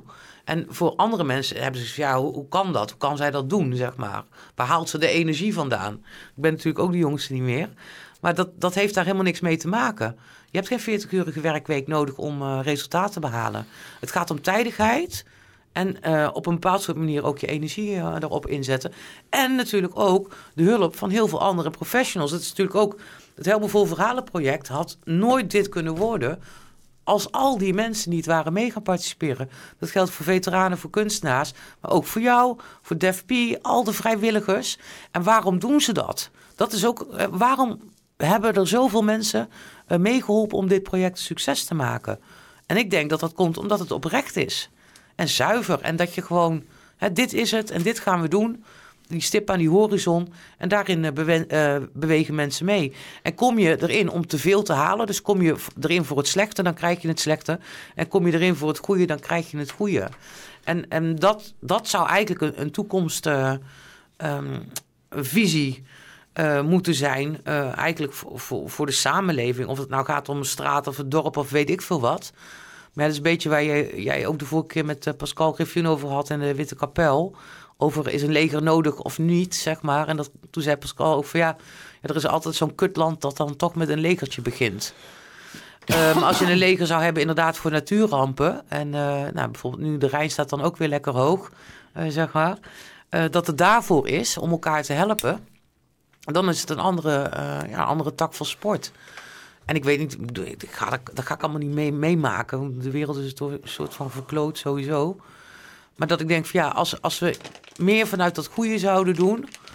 En dan neem je, dan moet je gewoon op de, dat heb ik ook moeten doen, dan moet je op de koop toenemen dat je af en toe genaaid wordt. Het leger in Amerika is de laatste tijd heel veel bezig met uh, aliens, hè? Ja, daar heb ik ook al het een en het ander eh, van eh meegekregen. En je hebt wel op een schip gezeten. Heb je niet eens aliens gezien? Nou, de- die vraag was... Technisch gezien, eh, statistisch gezien, zou je toch godverdomme wel wat aliens zouden moeten hebben. Ja. Hoeveel uur heb je wel niet daar een eentje op je zee rond eh, gedreven? Ja, ja, maar dat wil niet zeggen dat je dan ook zicht op buiten hebt, hè. Maar ik weet... Ja, weet dat, ja, ja ik, ik, ik zat... Net zoals normaal. Ja, ik zat vaak in de radio en dat was gewoon onder de waterlinie. Dus Maar beneden deks. Niks gehoord? Niks, eh, geen signalen, dingen, Nou ja, goed, het- anomalies? De hele tijd eh, ratelt dat eh, eh, UHF, eh, VHF, weet ik veel wat allemaal. Maar je hebt me dat eerder gevraagd en toen kon ik dat niet duiden. Maar later schoot het me te binnen.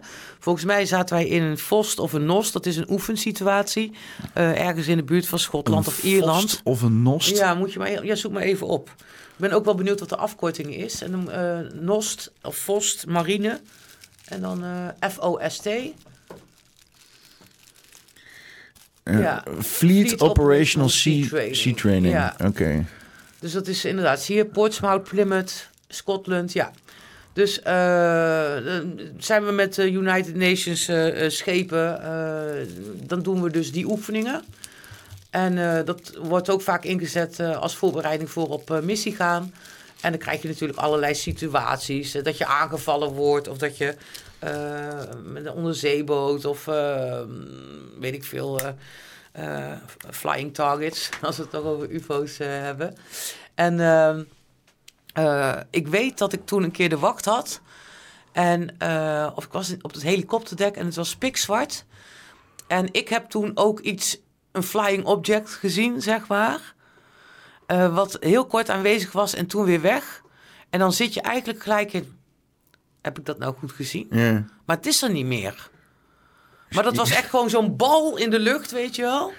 En dan vergeet je dat weer. Maar dat heb ik ook wel met andere dingen eh, gehad, zeg maar.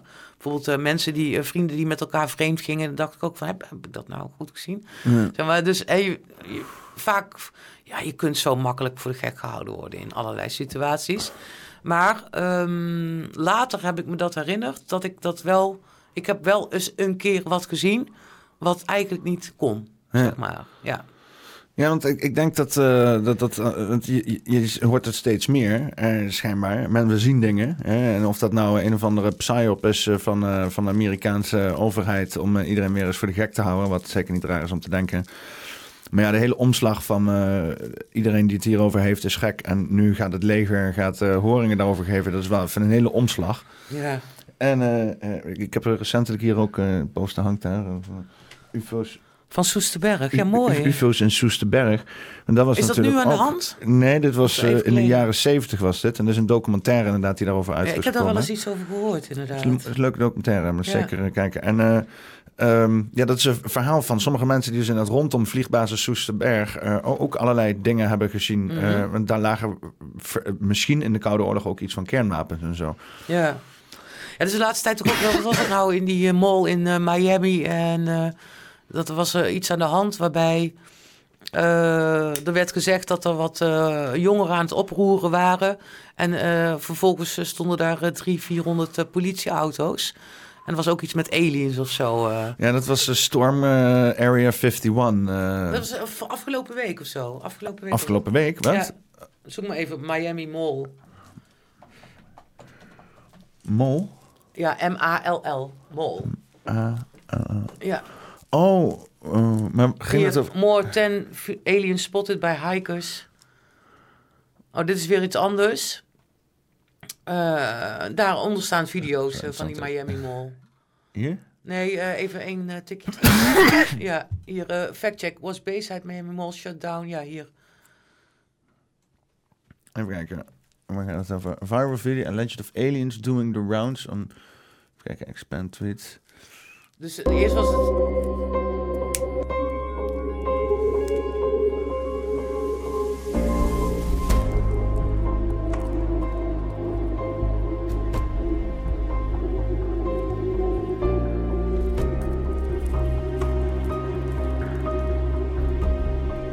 Ja, kijk, als ik dit zie, dan zeg ik nep. Ja, Gewoon eh, instant. Nou, maar Want, was- eh, ik- en weet je wat het is? Ik, ik, beoordeel alles van, zou dit nep kunnen zijn? Als het nep zou kunnen zijn, dan is het waarschijnlijk nep. En dit zou nep kunnen zijn. Gewoon een cameravideo van mensen die schrikken om iets wat niet meer duidelijk is. En iemand heeft daar gewoon een of andere shit in geëdit van ja maar de, de, de essentie was eh, dat er eh, wat eh, jongeren waren die eh, dingen, eh rottigheid aan het trappen eh, waren in eh, Miami. Alleen, eh, wat heel raar was, was dat daar allemaal politieauto's naartoe gingen. Honderden. En dat vonden mensen dan raar. En tegelijkertijd zag je dan ook wel berichten van mensen ja, hey, is er dan niemand met een goede camera? Weet je wel, we kunnen altijd alles filmen en dat kan nou niet.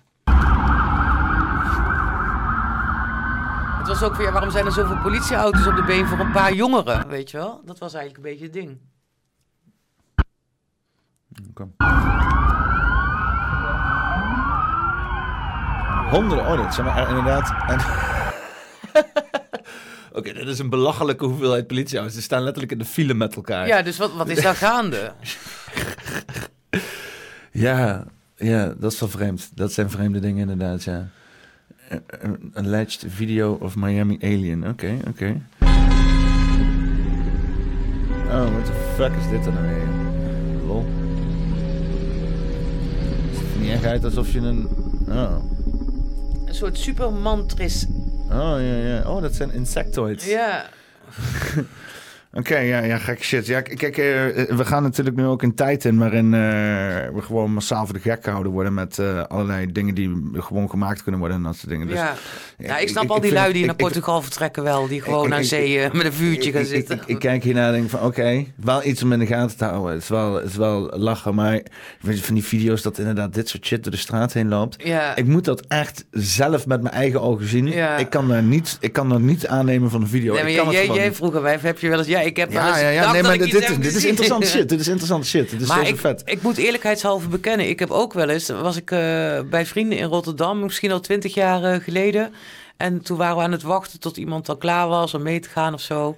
En ik zat toen ehm, in, de, eh, in de Rotterdamse, ja, dat is een zo'n eiland in Rotterdam, ik weet niet precies hoe dat heet, die, die mensen woonden daar. En toen had ik ook een, een soort goddelijke ervaring. Dat ik, eh, dat ik dacht dat Jezus eh, tot me was eh, gekomen. Zo, zo heb ik dat ervaren. Mhm.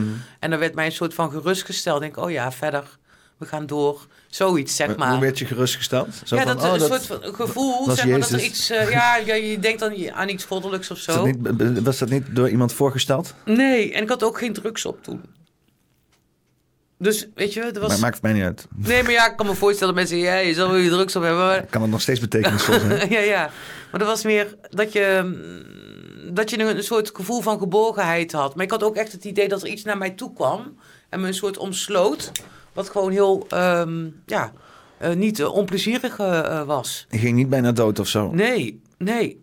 Dus, eh, En ik heb, ik heb het later, kan ik dan zeggen, van, ja, het is een soort godservaring of een, een idee van eh, dat de Heilige Geest in je komt of zo, weet je wel. kwam er nog een specifiek bericht uit of niet? Of, eh, Nee, daarna zijn we gestappen. nou, Oh. nee, dat is niet waar. Er was wel iets, maar ik kan het me niet meer herinneren. Ik heb het wel heel lang onthouden. Maar het ging heel erg over ja en goed en oké en ja. Ehm, op de goede weg, dat idee, zeg maar. Mm. En er was wel iets. eh, ik heb het heel lang onthouden, maar nu weet ik het dus niet meer. Maar het is echt al heel lang geleden. Ja. En ik denk dat heel vaak, ook in de dagelijkse gang van zaken, zijn wij gewoon afgeleid met dagelijkse dingen. Waardoor we ook heel weinig, ehm, of ja, minder inderdaad openstaan voor wat, er- wat er eigenlijk allemaal ook is. Ja, we leven allemaal heel materialistisch en kunstmatig. Ja. En het geeft weinig ruimte voor holistische, spirituele, paranormale bezigheden. Ja. Dat wordt al heel snel eh, weggewuifd. Eh, ja, Ja. Als, eh, als daar kennen we niks mee, laat me hangen. Misschien is er nog, wat er dan nog van overblijft, is is, hè, wat mensen dan, ja, dat kan geen toeval zijn of een bepaalde synchroniciteit. Als je aan iemand denkt of als iemand belt of.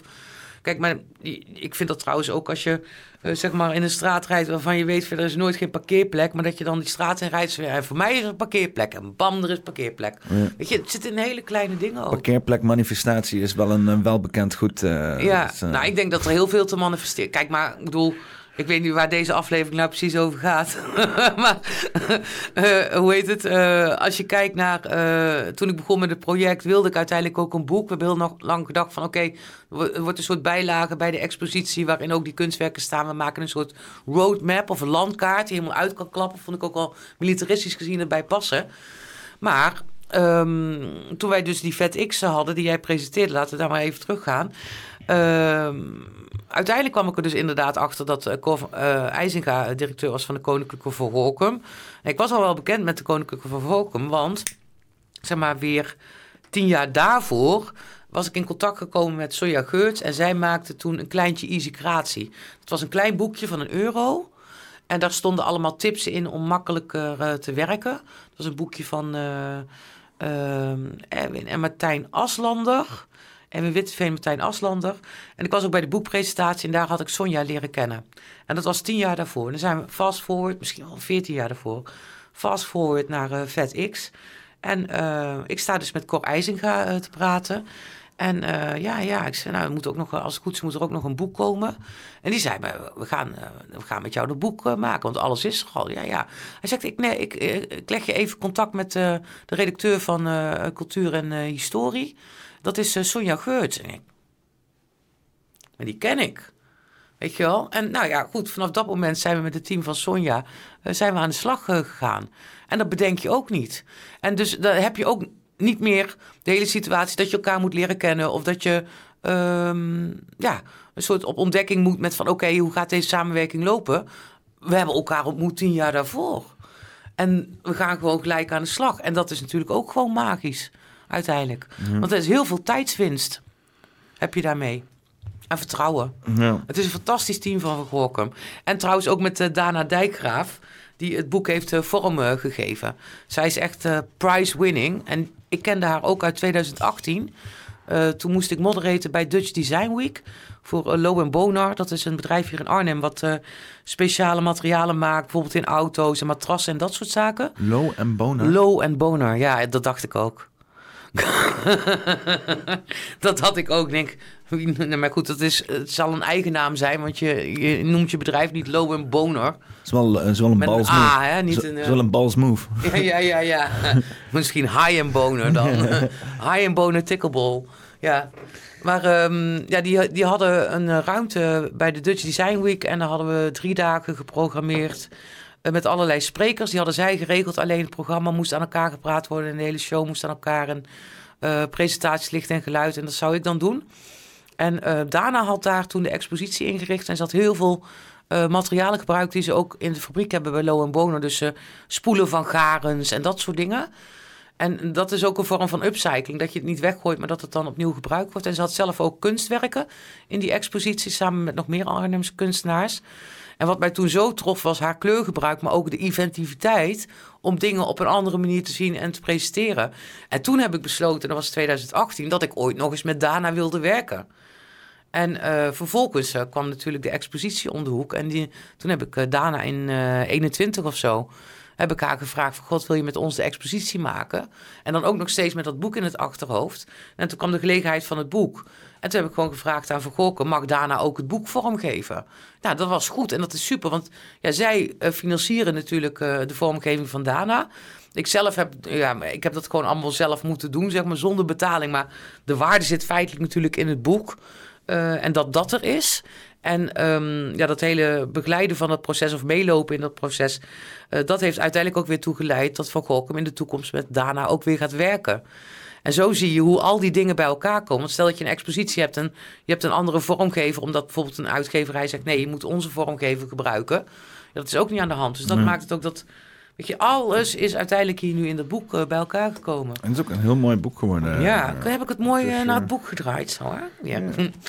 Ik zat te denken, ik heb ook, Oh, ik heb je natuurlijk ook de hele wel PDF, zeg maar, maar het is ook wel mooi om het zo te laten zien. Ja, oh, er zitten allemaal boekdelers in, eh, overal een beetje. Ja, die mag, die mag je eruit gooien. Die, zijn- die zijn gewoon eh, voor mooie, hoe heet het, mooie boekenleggers laten maken met een gedicht van eh, luitenant-kolonel Tamara Hogezand Walraven. Die ook dat optreden deed toen. Ja, Dat is een mooi boek geworden. als je hem daar inderdaad voor houdt, dan is het goed te zien. Ja. En mensen kunnen dat... Ik zal zo zo'n linkje onder in de video doen dan, Ja, denk ik. goed. Maar eh, dan kunnen ze hem gewoon kopen, toch? Hè? Ja, hij is nu te koop. Het liefst eh, via de website van Helmut Vol Verhalen. Waarom? Wij worden ook gewoon gezien als een boekhandel. Dus ehm, dan hebben wij, of in ieder geval de stichting heeft er dan ook wat eh, aan. En natuurlijk kun je ook gewoon het boek kopen via Bol en je eigen boekenhandel en, en dat soort dingen. Maar bij voorkeur via Helmut Vol Verhalen. En dan duurt het ongeveer een kleine week voordat je het in huis hebt. En bestel je bij Bol, ja, dan heb je het de volgende dag in huis. Maar het is gewoon te koop. En het is natuurlijk eh, een hele ehm, schappelijke prijs. Want het is 372 pagina's full color. eh, met eh, de 20 verhalen en, en specials. eh, voor 25 euro. Ja, kom er maar om. Koop je. Ja, daar koop je twee shawarma's voor, weet je. Ja, Twee shawarma's. ja. Dus, ik, ik, ik koop daar, ik koop daar eh, voor mezelf gewoon shawarma voor. Ja, ja. 25 shawarma voor mezelf. Ja, ja, Sowieso. ja, ja. Ja. Ja, hoe heet dat met die kaas erop? Ik ben het woord kwijt. Wat is dat? eh Kapsalon? Oh ja, ja, kapsalon. Dat is geen shawarma, dat is kebab. Ja, maar in ieder geval... Dat is Arnhem. In Arnhem zouden we moeten Vette weten. hap. Ja, ja, ja. we weet zijn hier eh, hoofdstad kebab volgens mij. ja. Is het zo? Ik weet niet, Oh. er is echt veel, veel kebabtenten hier. Ja. Ja. En trouwens, ehm, ja, ik zit een beetje op een tweesprong. Gaan we nou gewoon een beetje slap ouwe hoeren verder over wat er voorkomt? Of, eh, want ik heb, eh, hoe heet het, aankomende mm, maandag zit ik ook een half uurtje bij Omroep eh, Gelderland. Bij Oh. Rob. Ja, ook te vertellen over het boek. Maar ik vind, ja, helemaal vol verhalen als project. en natuurlijk ook het boek. ehm, wat, er, ja, wat er hier gekoppeld is, is zeg maar dat jij gewoon echt voluit mijn medereiziger bent, weet je wel. Dat, ik bedoel, ja, vanaf moment één dat we elkaar ontmoeten, was het eh, gewoon een, een gegeven. En ben je meegegaan op missie. En je hebt het ook allemaal meegemaakt Ik uiteindelijk. ben gewoon ingestapt. Je bent gewoon ingestapt, ja. Ja, ja, ja. Ben je al genaaid? Nee, nee, ik voel me niet genaaid. Nee, hè? nee.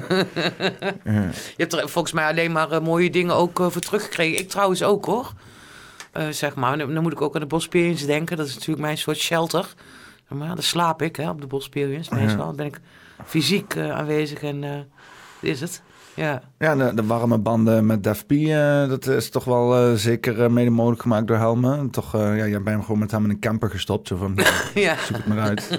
Dat creëert toch wel wat, ja, Ja, ik dacht, zou ja, met wie zou ik nou in de cam of met wie zou ik dan in, de, in de stappen vannacht? ik denk, nou, met jou is niet veilig, met Def P is niet veilig. Doen we het met Jaap. Mm. Ja, dat is heel leuk. Miranda kwam nog, eh, want die gaat weer een festivaletje organiseren. Hè? Ja, Dat, eh, kijk, ja, klopt. Ja, ja. moet, eh, dit keer wel, eigenlijk moet ik er naartoe dan. Ja, eh. die jongens eh, eh, komen ook. eh, De Tattoo Guys en eh Bonna, die komt ook. Die komen ook, ja. Ja, Ik wil daar wel draaien. Zou ik er mogen draaien? ik denk even- het wel, ja. Tot een, her, tot hermes. En misschien gaat eh, Hart voor Humor... eh, ik had eh, Jonathan ook al gevraagd of hij wilde spelen. Dus daar zijn we mee bezig. Komt Hart voor Humor ook. Eh, Miranda heeft een eigen band die natuurlijk ook optreedt. En ze hebben altijd heel wisselend programma. Afgelopen jaar was ook leuk. Het was, stond een beetje in het, het ehm, eh, teken van western. En toen hadden ze een Riding Bull. Hadden ze zo'n elektronische... Of zo'n elektrische... Ja, alleen- het eh, creëert een nekhernia, zo'n ding. Nou, kijk, we zijn ook allemaal de jongsten niet meer. Er zitten ook wel wat jongere mensen bij. Maar de, meeste zitten toch wel zo rond de 40, 50 zo, weet je wel. Iets naar boven nog. En ze had eh, voor eh, die mechanische boel, die had ze voor twee uur eh, eh, gehuurd. Voor twee uur. Ja, voor twee uur. Dan pak je hem weer en neem ze me mee. Ja, maar wij waren echt fucking naar een kwartier waren wij natuurlijk al klaar. Want ja, je gaat een keertje zitten en dan binnen 10 seconden lig je eraf. En dan doe je nog een keer een stoere poging. Maar dan weet je, ja, it's not gonna happen. En dan, eh, dan is het klaar. Maar ze had toen ook, wat was een workshop line dansen. En eh, ja, Ramon heeft allemaal, eh, eh, zeg maar, ja, toys for boys, gadgets en zo. bukschieten, een beetje met de drone vliegen. En nou, mooi vuurtje, altijd muziek. Er is een hot tub, houtgestookte hot tub. Het is daar een soort sprookjesbos, zeg maar. Maar het is echt ook, ja, het is heel klein. Hè? Het is voor maximaal 50 eh, mensen. En eh, je kunt een tentje wel- neerzetten. Het is ook erg exclusief eigenlijk, hè? Het is een soort van, ja, het is wel exclusief, maar je, je kunt alleen op introductie kun je binnenkomen of als, als Miranda je kent. Het is heel exclusief. Ja, het is heel exclusief, maar het is wel superleuk. Nou, en wat wel aardig is, is, want dat is eigenlijk ook een soort van nieuwe tribe die je dan met elkaar eh, vormt. En, en, en, en dat, de- de- ook allemaal verschillende soorten mensen, wat dan toch goed met elkaar resoneert en accordeert. En het is ontstaan omdat, want ehm, het jaar daarvoor, voor 2020, was 2019, daar had Miranda het ook nog over in de boekpresentatie. Toen eh, ging zij, eh, hoe heet het? eh, zij gingen altijd naar Oerol en met een hele groep met een schip. En eh, toen waren er plaatjes vrij en toen had Roxanne ook een soort oproep gedaan van ja, wie gaat er mee naar Oerol? En zij, Miranda haalde dat nog aan in de boekpresentatie. Dat toen eh, haar vriendin, want wij kennen elkaar niet, en haar vriendinnen zeiden van oh, oh, Amy. En eh, mensen die mij kennen zeiden oh, oh, Miranda. Want ze dachten dat wij helemaal niet goed met elkaar op konden schieten, omdat we andere mensen vinden ons nogal dominant. Vind ik geen namelijk. gekke gedachte. En Nee? Om je daar druk over te maken, dat is dan wel... vind Dat is een tweede. Ik zou het juist leuk vinden dan. Dus, die twee moeten eens in één kamer stoppen. Ja, en wij, wij zijn, nee, maar wij snappen elkaar helemaal. Er is Hetzelfde eh, hout gesneden en zo. hetzelfde hout gesneden. Je herkent elkaar. En je hoeft er ook helemaal geen concurrentie over aan te gaan. Maar ik, kijk, wat, eh, wat zij Het heeft... is wel dat- grappig dat die hele dingen zegt dan meer over de vriendinnen en dan over jullie twee, zeg ja, maar. ja, ja, klopt, klopt. Ja, ja, ja.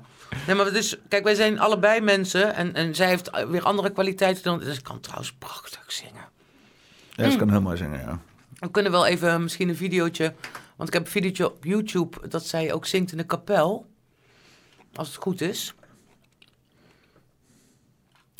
Dan moet je ehm, even naar de... Ja, of Miranda Nieman opzoeken of zo, weet ik. Even naar beneden scrollen nog. Nog verder naar beneden. Nog verder was bij de aankondiging. Ja, oh, stop daar. Die, ja, ja. Deed een soundcheck. Dus ik moest... eh, was voor de opening. En ehm, wij hadden geen... eh, we hadden wel een installatie voor muziek, maar nog geen zanginstallatie of zo. En, en Miranda kan prachtig zingen. Dus ze hebben gewoon eh, een testdrive gedaan. Of zij ehm, eh, stand kon houden eh, zonder versterking. En daar hebben we gelijk even een videootje van opgenomen. Zie je, hier st- toen stond de hele expositie er nog niet. was de foto-expositie er alleen. Hadden we net... Marcia Brugman heeft een hele kapel gereinigd ook. Maar dat was wat, zeg. Een Sali? Ja, met Sali, ja.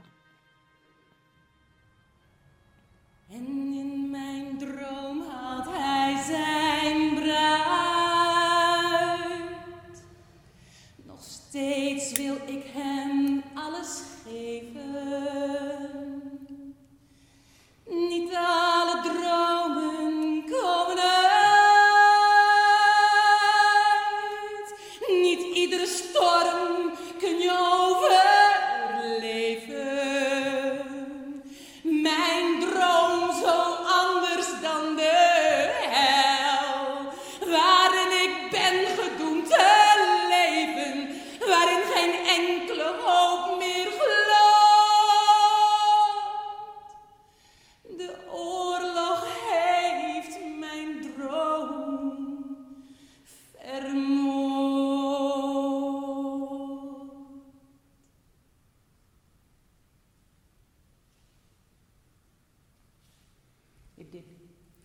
Heb ik gewoon opgenomen met de telefoon.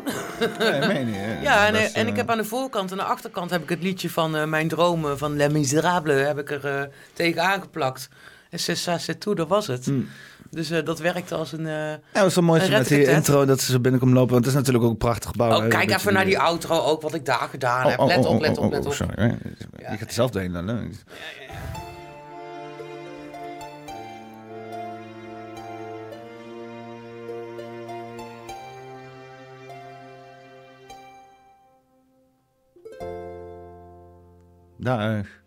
wacht. Oh.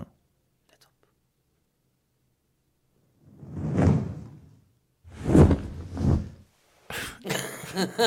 ja, dat zit gewoon in die outro. En dacht ik, oh, dat is mooi. Als zij zo die hoek omgaat en dan flappen die, die, eh, die broek, die flapt dan zo. Ja, oh, langs- oh, op die fiets. ja. Ik Ik dacht heb eerst, ik dacht eerst, het is ik omweer. En daarna ik denk ik, oh je laat een kist vallen of zo. Nee man, ik heb gewoon eh, een hele levendige fantasie. Jij dacht, oh, dat is mooi om erin te laten. Ja, maar- ja, maar misschien is dat waarom de dingen ook zo uitpakken zoals ze uitpakken in de, in de manifestatie, weet je wel. je moet het maar bedenken. Hey, ik kan het altijd toewijzen aan, eh, hoe noem je dat, eh, creatieve keuzes, hè? Het is altijd... eh, Oh ja, om jezelf eh, goed eh, te praten. Nou, ik heb wel Eh, Ja, om te verantwoorden. Hè? Mensen dan van, oh, waarom doe je dat? Ja, dat is een creatieve keuze. ja, maar ik heb ook zo vaak creatieve gemerkt... vrijheid. Dat, dan was het nog ineens creatieve keuze of creatieve vrijheid. Maar gewoon puur uit ervaring dat ik wist... oké, de dingen moeten zo en zo gaan. Daar ben ik ook heel vaak op aangevallen. Waarom iets wel of niet, of dit of dat, of weet ik veel wat. Ja, maar dat doen mensen sowieso. Ah, dat is zo bloedirritant. Ja, kijk, Ga het dan godverdomme zelf doen. Want, want, want ik, ik, ervaar eigenlijk, eh, eh, eh, en hoe meer mensen erbij betrekken, hoe meer ik dat ervaar natuurlijk. En dan zit ik ook nog in die Discord elke dag, dus ik hoor iedereen's mening wel over De meeste mensen die ik herhaaldelijk doe, die kijken er wel voor uit inmiddels. Die vertellen mij niet hoe ik mijn ding moet doen, want ik Mm. reageer altijd vrij fel als mensen mij gaan vertellen hoe ik dingen moet doen. Dan gaan ze niet gelijk huilen. Soms wel, ja, maar ja, dat is niet mijn probleem. Ja, dat vind ik bruut. Dat kan. Het kan da- daarom, ja, da- daarom eh, ja, als je me lang kent, dan laat je me over het algemeen wel eh, met rust. Maar het, het is ook wel een, een zwakte hoor. Want eh, daardoor scherm je op een gegeven moment af voor kritiek. En dan, ja, dan, dan heb je gewoon geen feedback meer. Dus het is ook, je moet het een beetje weten te balanceren. Nou, ik heb... Maar ik, ik heb hier wel iets wat ik heel erg waarborg in mijn crea- crea- creatieproces. En dat Mhm. is inderdaad die organische groei daarin. En bepaalde principes heb ik. En dat zit hem voornamelijk in hoe uh, aandachtsgeil ik word, zeg maar. Dus dat dat gewoon eh, zo minimaal mogelijk moet zijn. Het moet niet draaien om mij en mijn fucking ego. Het moet draaien om de, de, de samenkomst van mensen, de gesprekken en, en eh, de ervaringen, zeg maar. Hoe, hoe, hoe, hoe, hoe hou je dat in stand? Hoe, hoe, maak je, hoe kanaliseer je dat? Of eh, hoef je daar geen moeite voor te doen? Is het gewoon, dit is mijn focus, het gaat om Ja, ik, krijg, ik krijg ook heel veel mensen. Naast, na- want ik krijg, naast, kritiek, eh, naast kritiek en zo krijg ik ook wel heel veel lof. Het zit een beetje, hè, het is mooi in balans. Eh, maar lof vind ik ook altijd moeilijk mee om te gaan. Altijd zoiets heb van, eh, rustig. En waar, gaat, en waar gaat die lof dan over? Maar eerst Ja, even dat- kanaliseren. Hoe maak je nou dat jij zorgt dat het altijd gaat om de mensen of om de ontmoeting? En dat jouw ego niet... Wanneer merk je dat je ego iets omhoog begint te komen? Mm, vind ik moeilijk. Vind ik moeilijk. Dat is een lange... mm. Eh, Misschien toch wel. Want ik, heb toevallig eh, laatst met Tottes Hermens dan eh, wat meer. eh, met het muziek heb ik, wat, heb ik wel. Heb ik, dan creëer ik iets. Dan heb je ook echt een product, zo'n nummer en zo. En nou, ik heb al een paar mooie nummers ook voorbij zien horen komen de afgelopen week in de podcast. Nee. Dat ik echt denk van ja, weet je, it feels good. En hoe bedoel je? nou, gewoon wat je gerapt hebt en wat je gemaakt hebt. En dat is misschien maar een tiende of een procent van wat je de afgelopen maanden hebt gedaan. Want ik weet dat je heel veel, heel productief bent geweest. Maar wat, wat je dan draait of wat ik hoor, dat klinkt wel goed. Ja. Ja, Nou, ik, ik heb daar dus en nou, ik vind dat dan mooi. Ik wil dat het gepubliceerd wordt. Ik wil het dan maar zelf van doen. Eh ben met mensen gaan samenwerken. Die vonden dat het nog iets beter moest. En dat moest dan geperfectioneerd worden. Heb ik een paar maanden op zitten wachten. En dan ben ik er soort van klaar mee. En dat, dat werd me ook verwijt van dat is een ego-dingetje. Nou, Zou ook kunnen dat het een ego-dingetje is. Ik weet het niet. Wat ik gelijk wil zeggen, wat ik gelijk ervaar en voel, is dat ook een manier. Weet je, sommige mensen die zeggen jou te helpen. Maar wat ze eigenlijk doen, echt, en dat is het enige waar ze zich mee bezighouden, is jou proberen tegen te houden. Onder het mom van ik help jou en dan gebeurt er niks en jij gaat dan zitten wachten tot die ene dat ene dingetje gaat doen, terwijl je eigenlijk al fucking klaar bent om te bewegen. Ik, ik, ik kreeg dat gevoel. Maar ik weet dat het niet eh, eh, op... eh, een voorbeeld. ja, ik, ik weet niet. Ik weet dat het niet... ehm, nee. dat hij er niet zo over denkt. Hè? Dus dat het niet. eh, ehm, eh, dat hij dat niet eh, oprecht, opzettelijk aan het doen is of zo. Weet Nee, maar Maar, voor, mij, wel. voor mij voelt dat wel zo. Ik heb dat nu ook aan de hand. ik, ik, ik probeer dat dus te levelen. Dus mijn ervaring en zijn ervaring. En daar is een middenweg in te vinden. En Mm. dat, dat is gewoon... Ja, er, er kan nog steeds iets vruchtbaars uitkomen. Maar ik, ik heb daar dan gewoon een, een eis bij. En dat is van, ik wil gewoon die dingen gaan publiceren. Ja. Als we daar overheen kunnen komen, dan, dan, dan, dan, dan, dan balanceert het weer uit. Ja. Nou, dat is ook goed gegaan. Dat gaan we ook gewoon doen. We gaan nu wat dingetjes doen. dat is ook Maar ik merk dan wel, want hij zei ook van, dat is dan ego. En ik- ik zei dan ook als reactie terug van, is dat wat jij wil dan ook niet jouw ego? Ja. En in zekere zin, ja, misschien wel. Hè? Want je kan inderdaad zeggen van, oké, ik wil niks en ik laat het allemaal over aan. Maar ja, je hebt, een, je hebt ook een, een, een wens. Vooral in het creatieproces heb je een soort van pad. Heb je een, een ding wat je voor ogen hebt. Ja. En eh, om daar helemaal niet aan vast te houden. Om daar te zeggen van, ja, het is maar helemaal open voor interpretatie. Voor wie dat dan ook maar gaat doen. Ja, dan ben je ook niks aan het creëren. Nee, nee, dan weet je niet waar je naartoe gaat. Maar ik vind, eh, zeg maar, strooien met ego is eigenlijk niet het juiste. Waar het om gaat is dat de ander heeft een behoefte of die heeft een tekort wat vervuld moet eh, worden. En dat wordt maar niet vervuld omdat het bijvoorbeeld niet uitgesproken wordt of het, er worden geen woorden aangegeven. En dan ehm, wordt iets ingezet wat krachtig is in die persoonlijkheid. En, en dat zou je dan kunnen noemen ego. Maar het is eigenlijk een, een soort vorm van obstructie plegen omdat niet aan jouw wensen voldaan is. Maar die, die heb je misschien dan ook niet goed eh, over de brug gebracht. Of, Kan of verwachtingen ja, nee, ik, ik heb het ook wel een beetje op de loop gelaten. Even kijken waar het heen ging en zo. En dan, dan in één keer kom ik met de conclusie. Dat is ook, Ja, ik denk, ik, ik had ook misschien wel te verwachtingen en zo, weet je. En dat is, dat is natuurlijk ook eigenlijk helemaal niet volgens mijn eigen handboek. Ja, ik weet niet. ehm, ik zat net te denken van, eh, wij hebben ook best wel veel overeenkomsten, ondanks dat ik een heel ander gremium eh, opereer. Maar dat, ehm, Gremium. ja, gremium. Googelen? kan je niet eens je eigen woorden definiëren? Ja, nee, tuurlijk wel. Maar als, ik, als, als je hem nou googelt, dan weet jij het ook gelijk. Nou, ik, vind, ik wil veel eh, liever horen wat het nou is van jou. Ja, dat is natuurlijk gewoon een gremium. Ja, oh ja, duidelijk. Gremium. Een gremium meervoud. Gremia het, in het bestuursrecht. In college van bestuur. Ah, dus gewoon een zootje mensen in een kamertje in een hoogtorentje of zo. Ja, mensen bij elkaar. Een gremium, zeg maar. Ja, Net, net zoals de, de roedelwolf of zo. ja eh. zoiets. Ja, ja. voor Een roedel, ja, ja, ja. Een roedel eh, is... eh, Een gremium stropdassen. mooier. Maar ik denk, zeg maar, de overeenkomst die wij hebben, dat uh, natuurlijk hebben we wel geld nodig, maar eh, eh, we geven er geen kut om. Het is gewoon meer puur omdat we willen opereren, zeg maar. Het is zijn dat situaties bezig- om geld vragen ja, de hele precies, tijd. precies. Dat, als, eh, dat je dat als ruilmiddel nodig hebt. Maar ik heb ook, eh, toen ik ook begon met eh, zelfstandig ondernemerschap, wilde ik vaak ook gewoon geen factuur sturen. Ik wilde gewoon wat jij had. Weet je wel, oké, verkoop je kaas, nou, dan, wil ik, eh, dan wil ik 10 kilo kaas van jou. Dus heb ik ook heel lang workshops gegeven bij partijen. die bepaalde diensten of producten hadden. Dus op een gegeven moment ook bij expert, weet je wel, wit en bruin goed. Dan zei ik, ja, ik wil geen factuur. Expert, daar word je wijzer van. Ja, dat was vroeger. Zoiets, toch? Ja, ja, ik weet niet of ze dat nog 90 zijn. shit Ja. inderdaad. Ja. Zat op de boulevard altijd. Ja, wo- woonboulevards en zo. Ja. En dan zei ik, ja, ik wil geen factuur sturen. Want kijk, zij kopen dat heel goedkoop in. En wij moeten dan inderdaad weer die consumentenprijzen betalen. En toen had ik eh, twee workshops gegeven. En toen zei ik, van, ja, ik wil een koelvries combinatie, een magnetron eh, en een vaatwasser. Ja, en zo hebben we het eh, afgemaakt. Ja, en als ik dat had moeten kopen, dan was ik 20, eh, 2000 euro kwijt geweest. Ja, bij, En, mij, eh, bij mij staat alles in het thema van het betalen van mijn huur. Mm. Dat is het enige eigenlijk. eh, Dat, de rest, dat, dat, dat raap ik inderdaad bij elkaar. Een beetje familie, een beetje vrienden. Dat Ja. komt allemaal wel goed. Ja, Eh, maar de huur is het enige echt liquide middel dat ik gewoon maandelijks moet afdragen. Ja, en ja, dat dus- gaat ook echt gewoon eh, met alle vaste lasten en weet ik veel wat, eh zie je op 1000 euro. ja, ja daarom een petje af- voor de poppenkast. Zorg dat ja, Peter, Peter zijn huur elke maand kan betalen. Nu gewoon doneren. Fucking Nu huur. doneren. Ik zit er ook vaak over na te denken. Iedereen zit in die kutsituatie. Ja. Het, het, is, want het is zover ik. Het stomme is. Toen ik, want ik betaal, ik zit in een sociale huurwoning. Hè, dus ik betaal eh, in principe 550k. Dan krijg ik nog een kleine huursubsidie. Dan kom je, of 55, 56k.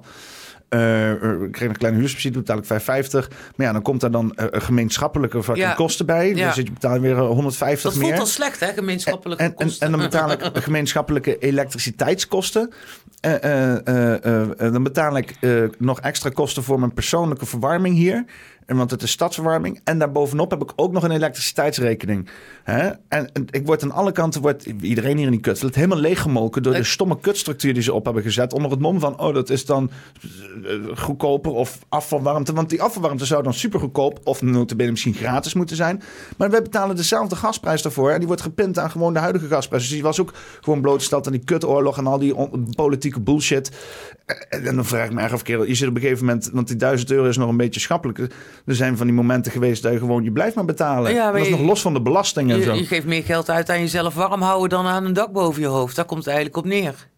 Ik bedoel, het is mooi, mooi. Het Dat zei je toch? Het is een Ik snap het wel in is- Portugal. Het is een mooi appartement hier, maar het, is niet, eh, het is niet alsof ik hier in een paleis zit of zo. Ja, weet het je. is vooral mooi met oud en nieuw en zo. En als je iets eh, wolken en zo... eh, En de grap is dat heel veel mensen die zouden hier niet eens willen wonen. nee, En Die, die kennen, die trekken dat gewoon helemaal niet. nee. En de grap is, want ik, ik kon ook gewoon kiezen. Ik, toen ik hier kwam, kon kiezen. En dit was nog vrij, want niemand wou de fuck hier wonen. En ik, ik wil hier graag wonen. Ik wil mijn eigen penthouse hebben. Maar het begint natuurlijk al als je hier beneden binnenkomt... en dan moet je een hokje in van 1 bij 2 Ja, met andere mensen. Met die lift. Daar begint het eigenlijk al.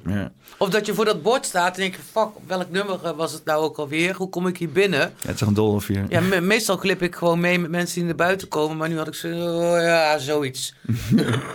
en toen ging de deur open. Ik dacht jij moet open doen. Nee, ik heb hem hier op dokterstand. eh, dus als je mijn nummer intypt, dan, eh, Dan gaat hij open. Oh. kan ik lekker gewoon blijven je.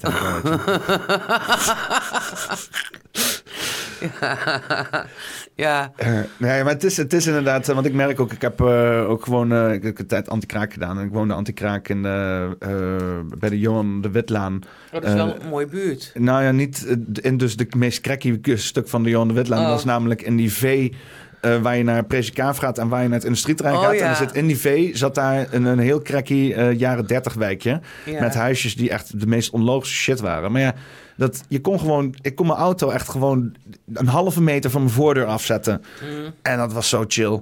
Hè? Maar je, loopt, je stapt uit je auto, je loopt gewoon naar binnen toe, flikt dingen van je af. En je denkt, oh, dat ligt nu in de auto. Nou, je, je hoeft nog net niet, je, je kan het praktisch van je raam die open komt, dan kun je het uit de auto pakken. Mm. Nu, als ik boven ben en ik heb iets in de auto liggen. Ja, ja, ja, ja. Helemaal fucking... Net tien minuten. weer die, die, die, die- ja, inderdaad. Met die lift sta je weer minuten te wachten. Helemaal naar beneden. En dan eh de, de lobby heen. Je auto terugzoeken op de parkeerplaats. eh, en dan eh, weer terug. Weer die code invoeren. Het is een... Het, het is... Het is het heeft zijn nadelen. Ja. Het is ja. niet allemaal charme. Het zou mooier zijn als ik mijn auto hier gewoon zo ook met de lift naar boven kan rijden. Dat hij gewoon hiernaast staat. Zo. Dat gewoon de, de woning van de, de buurman wordt opgeofferd voor, Voor mijn auto. auto. Ja, ja, lekker je auto lekker dichtbij. Dan een lekker cracky autootje naar binnen rijden of zo. Ja, Een Lada. ja. Ja, ik weet niet welke kant we op gaan. Maar, zeg maar, we begonnen de- deze, deze sessie, zeg maar, ging eigenlijk over eh koldering, koolham en kik. En mensen bij elkaar rondom een vuurtje en leuk en optredens en dat Mensen soort elkaar dingen. krijgen. ja. Ja, ja. En, en ook natuurlijk wat ik net al benoemde: van ja, ehm, je kunt gewoon hele mooie dingen doen met elkaar. Als je niet bezig bent om die andere eh, de, de loef af te steken, de ogen uit te steken, eh, overmatig geld te verdienen, wat, wat, wat gewoon niet te rechtvaardigen is. Ehm, Ja. Als je creëert, als je, eh, als je zorgt dat jouw omgeving vruchtbaar is, ja, dan, kan je, dan zit je zelf in een vruchtbare omgeving. En als je de hele tijd zorgt dat jouw omgeving niet vruchtbaar is, dan zit je de hele tijd met je shit in een onvruchtbare omgeving. En dan is het inderdaad die kill or be killed. En dat is misschien ook wel, waar we het al eerder over hebben gehad. Kijk, heel veel mensen hebben dat vanuit zichzelf, hè, die positiviteit en creëren. Anderen die kunnen daar niet zo goed tegen. En wat ze dan gaan doen, is je in de wielen rijden. En eigenlijk willen ze je in die lagere energie krijgen. Zodat jij ook eh, dit gaat doen, zeg maar. Ja, en daar elke keer weer uitkomen, ondanks dat je voortdurend aangevallen wordt daarop. Dat, eh, we hadden het net ook over zeg maar, die muziek en, en ja, hoe zit dat met het kanaliseren van het ego. Ja. En, ehm, Hoe kanaliseer je dat? Dat was de vraag. ja, maar, Heb ik daar al antwoord op gegeven? Nou ja, nee, we waren een soort van begonnen, maar ik herken het ook wel bij mezelf.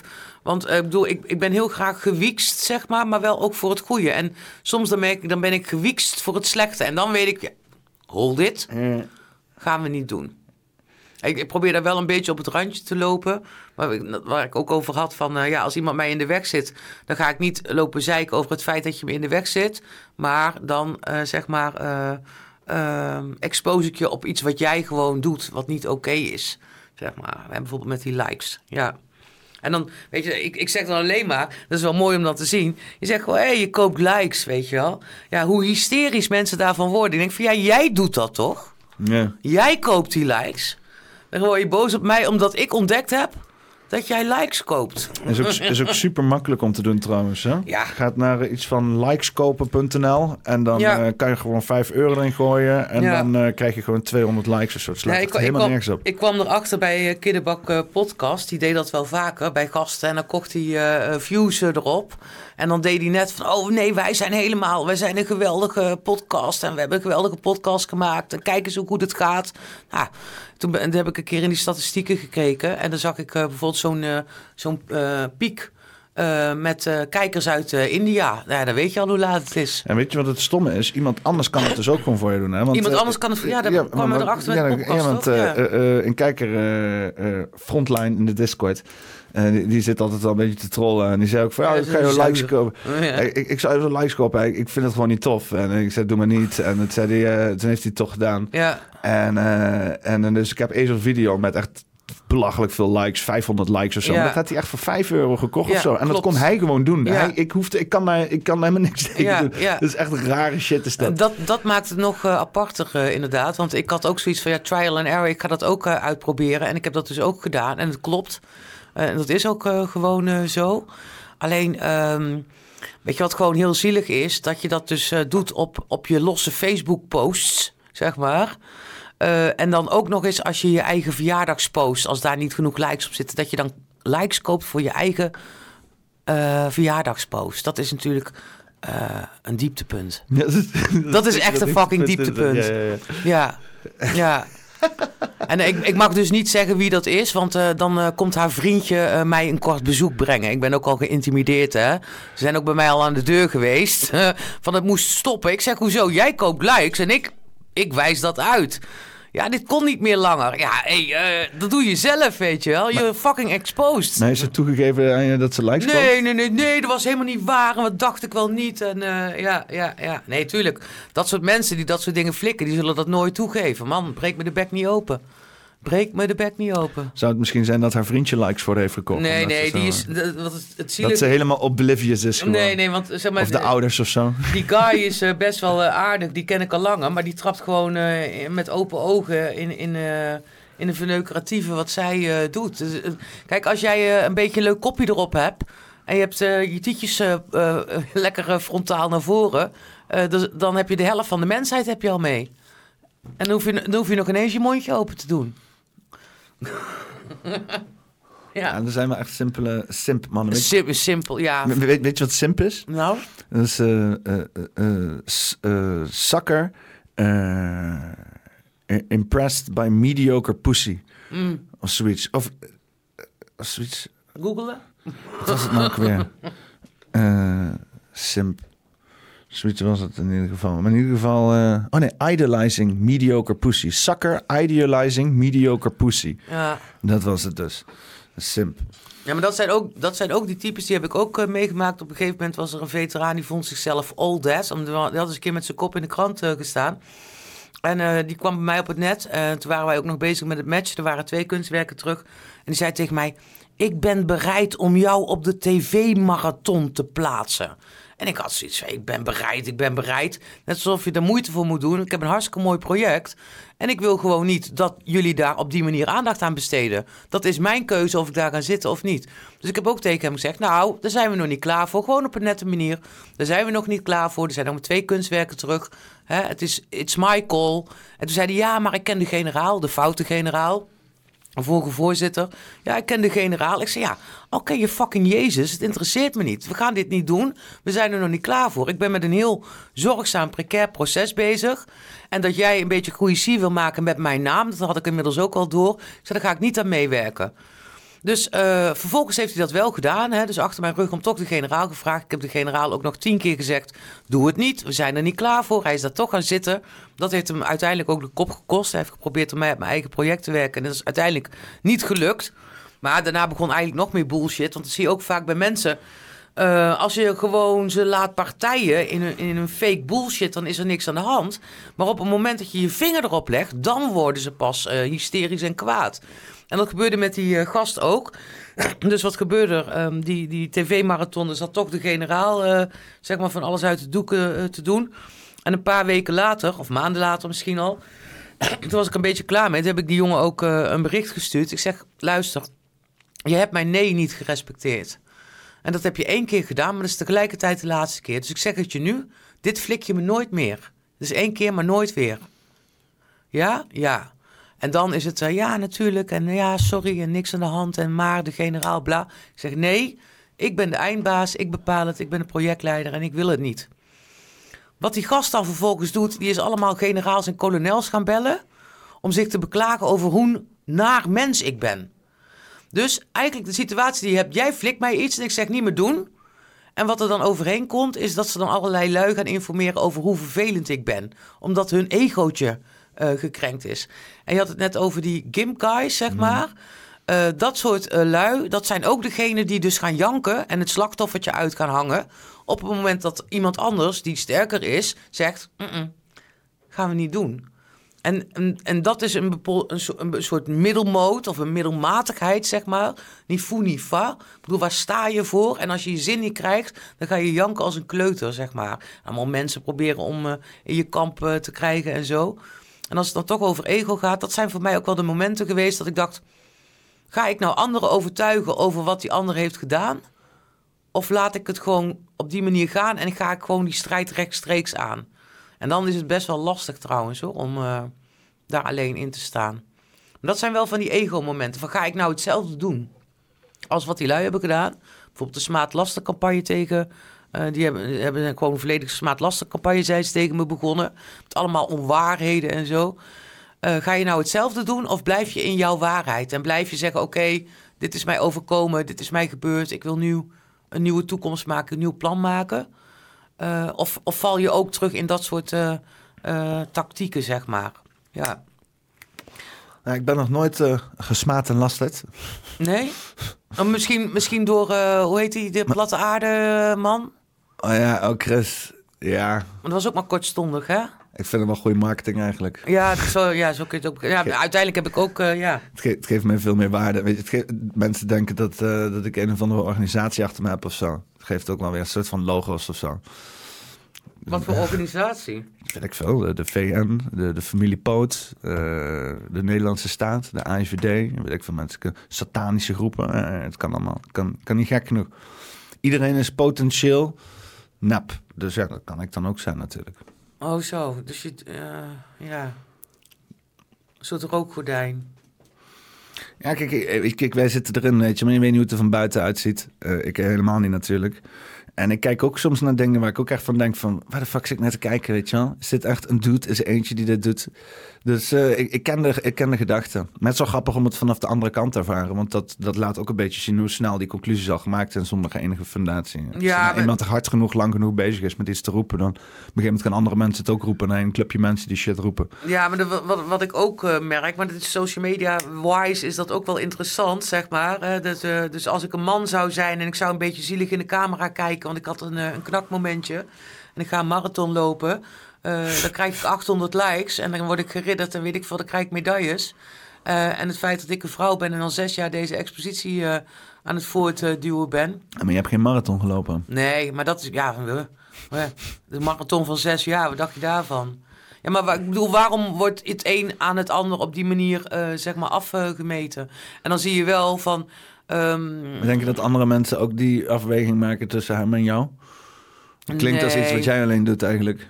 Nee, maar ik heb me er wel over verbaasd, weet je. Eh, je ziet ook dat eh, bepaalde dingen naar voren gedrukt worden... omdat die bijvoorbeeld eh, niet gevaarlijk zijn. Of niet iets aanklagen of iets niet op het scherp van de snede brengen, zeg maar. En dan is het leuk en gezellig en weet je wel, het, het raakt niks aan bij die ander. Het is niet bedreigend. En eh, naarmate je eigenlijk, eh, ja, misschien voor sommige mensen bedreigender bent... of dat, dat je hebt laten zien dat je wel bereid bent om... eh, dingen aan te gaan. dat ze dan ook minder geneigd zijn om mee te bewegen. Maar wat ik wel heel typisch vind, zeg maar, hoe mooi wij het ook met elkaar hebben in de co-creatie en al die mensen die meebewegen, dat er ook gewoon een heel eh, ehm, duidelijk af te tekenen groepje is, wat daar weerstand biedt. Zeg maar, dat is ook gewoon heel duidelijk geworden in dit hele eh, proces. En ehm, de reden eigenlijk dat ik ook elke keer terugkijk of teruggrijp ook naar helemaal vol verhalen of over de persoonlijke dingen die we dan ehm, onderzoeken of meemaken, is dat je toch gewoon elke keer een soortgelijke beweging eh, ziet. En ook dat je er, ja, in principe sta je er ook gewoon wel een soort van alleen voor tegelijkertijd. En je moet wel elke keer de bereidheid hebben, hebben om mensen te vertrouwen. En ik zou ook niet anders kunnen. Ik heb wel veel geleerd hoor in dit proces trouwens.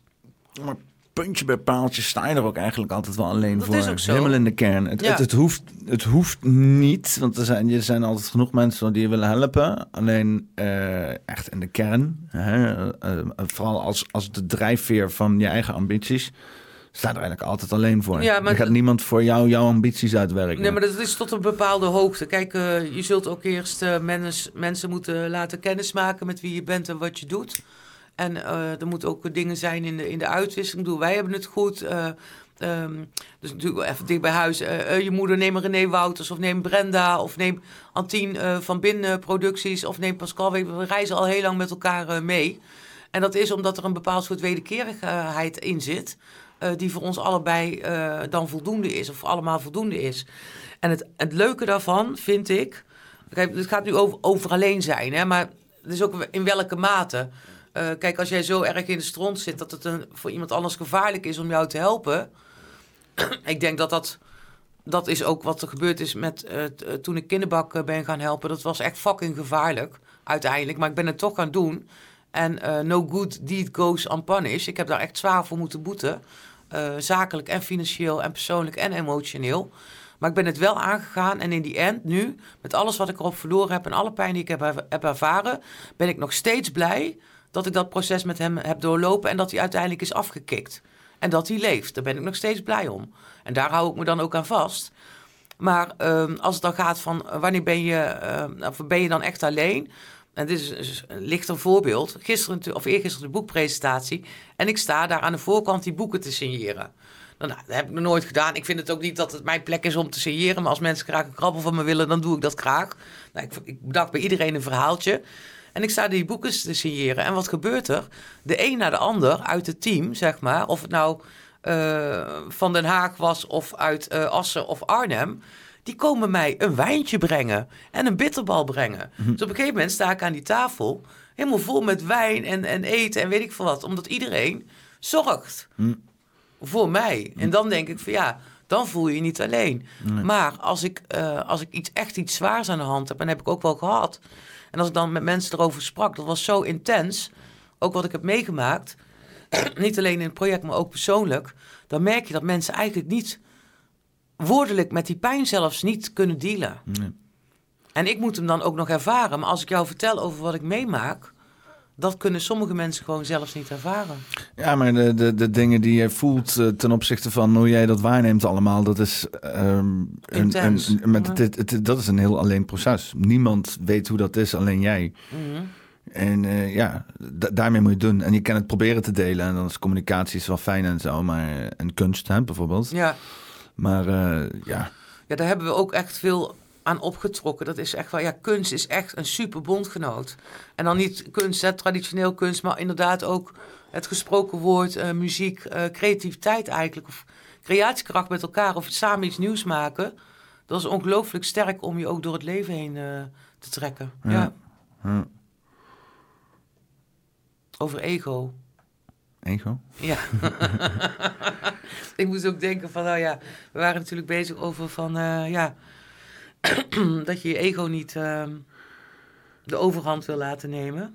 Ja, eigenlijk door te zeggen ik besta, ben je al, erken je al een ego. Dus, dus, dus ja, in zekere zin is het ook onvermijdelijk om er iets mee te doen. Ja, maar je kunt wel zeggen, ja, we zijn allemaal één, maar we zitten allemaal wel in dat ene vehikel qua lichaam. Ja, ja, En daar moet je zorg voor dragen. En daarvoor heb je volgens mij ook, ik bedoel, ik heb ook zo vaak in situaties eh, begeven dat ik heel veel gegeven heb.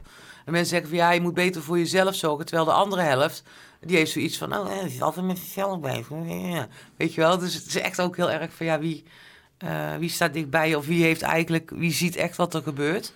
Dat vond ik trouwens ook wel mooi met de boekpresentatie met Peter Drent. Die dat ook echt benoemde. Ik voelde me ook echt gezien. En ook de veteranen. Dat heb En ik toch met die uitgesproken. Maar met die ronde bril, Ronde toch? bril, Dat ja, van de, super. van de, geme- van de provincie. Provincie, daar, gedeputeerde eh. Peter Drent, Ja, ja. want die was ook wel. Ik heb zelf ook een traantje gelaten daar. eh, Oh. Toen, eh, toen eh, eh, even kijken, wie was dat nou? Want, en dat was niet de eerste keer, want. we kunnen nog wel even inderdaad door de presentatie heen. even kijken, toen, eh, toen deze man aan het spreken Ja, was. Johan de Jonge, ja. En eh, ik vind het zo'n krachtig iets heel mannelijks. En dan begint hij begint, dan doet hij zijn verhaal en dan staat hij daar, gaat hij bespelen en dan staat hij daar gewoon, weet Ja, je wel? ja. Staren te zijn, Ja, het, het op tot zich te nemen. ja. Hele intense blik en Ja. dat is heel krachtig. Ja. Vind, ik, vind ik heel mooi. Ja, maar dit is ook prachtig toen wij begonnen. Want eh, daar hebben we natuurlijk ook, eh, we hebben ook Joorsong in Concert gedaan in de Luxor. Eh, dat is ook al mooi. Ehm, maar toen wij begonnen, eh, was er al snel sprake dat ze vroegen of we op wilden treden. En, en Johan, eh, ja, die had natuurlijk het verhaal aan Aniek verteld. En we hadden daar ook een, eh, een journaliste een, een verhaal van laten maken. Dus Sonja van het Zag, die heeft dat opgeschreven. Eh, maar Johan was toen nog niet in staat om dat verhaal zelf eh, te vertellen. Dus wat wij in de beginjaren deden, was... gingen we met z'n drieën op pad. En dan eh Aniek, eh, die zette dan alvast haar eh, spullen klaar. Even zo'n loopstation en zo. En dan ging, ik- begon ik met vertellen over het verhaal van Johan. Dus ik vertelde het verhaal van Johan. En dan kwam Johan bij mij staan in zijn pak. En die stond daar dan, zeg maar. Van, hè, en dan zei ik ook van, ja, je ziet het in zijn ogen. Want hij heeft echt die, die kwetsbaarheid en ook zijn gezicht trekken en zo. En dan vertelde ik het verhaal. En dan eh, zette eh Aniek eh, de eerste loop in. En dan vertrok ik. En hij bleef dan staan. Ja, en dat was, dat was geweldig. En nu zijn we dus tien jaar later gewoon ruimschoots al op een punt beland... waarin zij gewoon samen op pad kunnen gaan. En hij dat ook gewoon echt goed vertelt. Maar ja, hij moest deze keer ook in vijf minuten vertellen. Hè? Maar er zitten hierna ook nog wel foto's, hoor... dat je ze allebei in beeld ziet. Ja. De andere kant op moet je. Dit is... Maar ja, wat ik wil vertellen, die Peter Drent die liet zelf ook even een ja, dit is traantje. Peter Drent, ja. Oh, ja? Toen hij, eh, toen hij eh, vertelde over, ehm, over ook de impact hè, op. volgens mij ook zeg maar dat hij, dat hij, dat hij ook. Hij ging op een gegeven moment naar het punt toe, het was net iets het. daarvoor. Ja. Dat hij zei van het is belangrijk dat het hier ook staat Ja, in het ja. provinciehuis. Ja, en ja. dat stuk, dat betoogje, het stukje daarvoor, en daar, daar zag ik een traantje, traantje rollen over zijn, oog- over zijn wang. Dat ik Ja. dacht van nou, Ja, maar dat was ook mooi, omdat ehm, hoe het ging was... ehm, toen we naar de Witte Kapel gingen, daar was ik al vanaf begin vorig jaar mee bezig. En ehm, eh, dat was allemaal, eh, het zag er allemaal goed uit. En toen werden we feitelijk eh, tegengehouden door wat lui bij bureau Veteranenzaken van Defensie. En of dat nou vanuit Utrecht is of vanuit Elf Luchtmobiel, het feit was... eh, dat ik eigenlijk een, een groot blok met weerstand ervoer. Maar uiteindelijk, ehm, eh, na heel veel vijven en zessen, wachten en stonden we ook op het ministerie van Defensie. Toen kregen we ergens in eh, mei, juni ineens te horen van nee, we konden dan toch naar de Witte Kapel. Want dat had eh, generaal eh, Cas Scheurs van 11 Luchtmobiel, die had dat besloten. Of in ieder geval van de Oranje Kazerne. En daar waren die lui van bureau Veteranenzaken helemaal verbolgen over en, en gedoe. En op een gegeven moment, nou, nog wat gesprekken. Toen zou ik de sleutel krijgen. Dus eind juni ging ik de sleutel ophalen. En ik sta er in de wit, Witte Kapel en ik kom in aanraking met iemand van die bureau Veteranenzaken. Ik steek mijn hand uit en die man zegt, ik geef jou geen hand. Ik zeg, ja, hoezo niet? Ben je moslim of zo? Nee, ik moet jou niet. Ja, daar kon ik het dan mee doen. Dat is gewoon fucking onbeschoft. Dat is wat het is. Niet meer en niet minder. En ook in de periode dat we in die Witte Kapel zaten. Want we zouden eigenlijk juli, augustus, september daar zitten.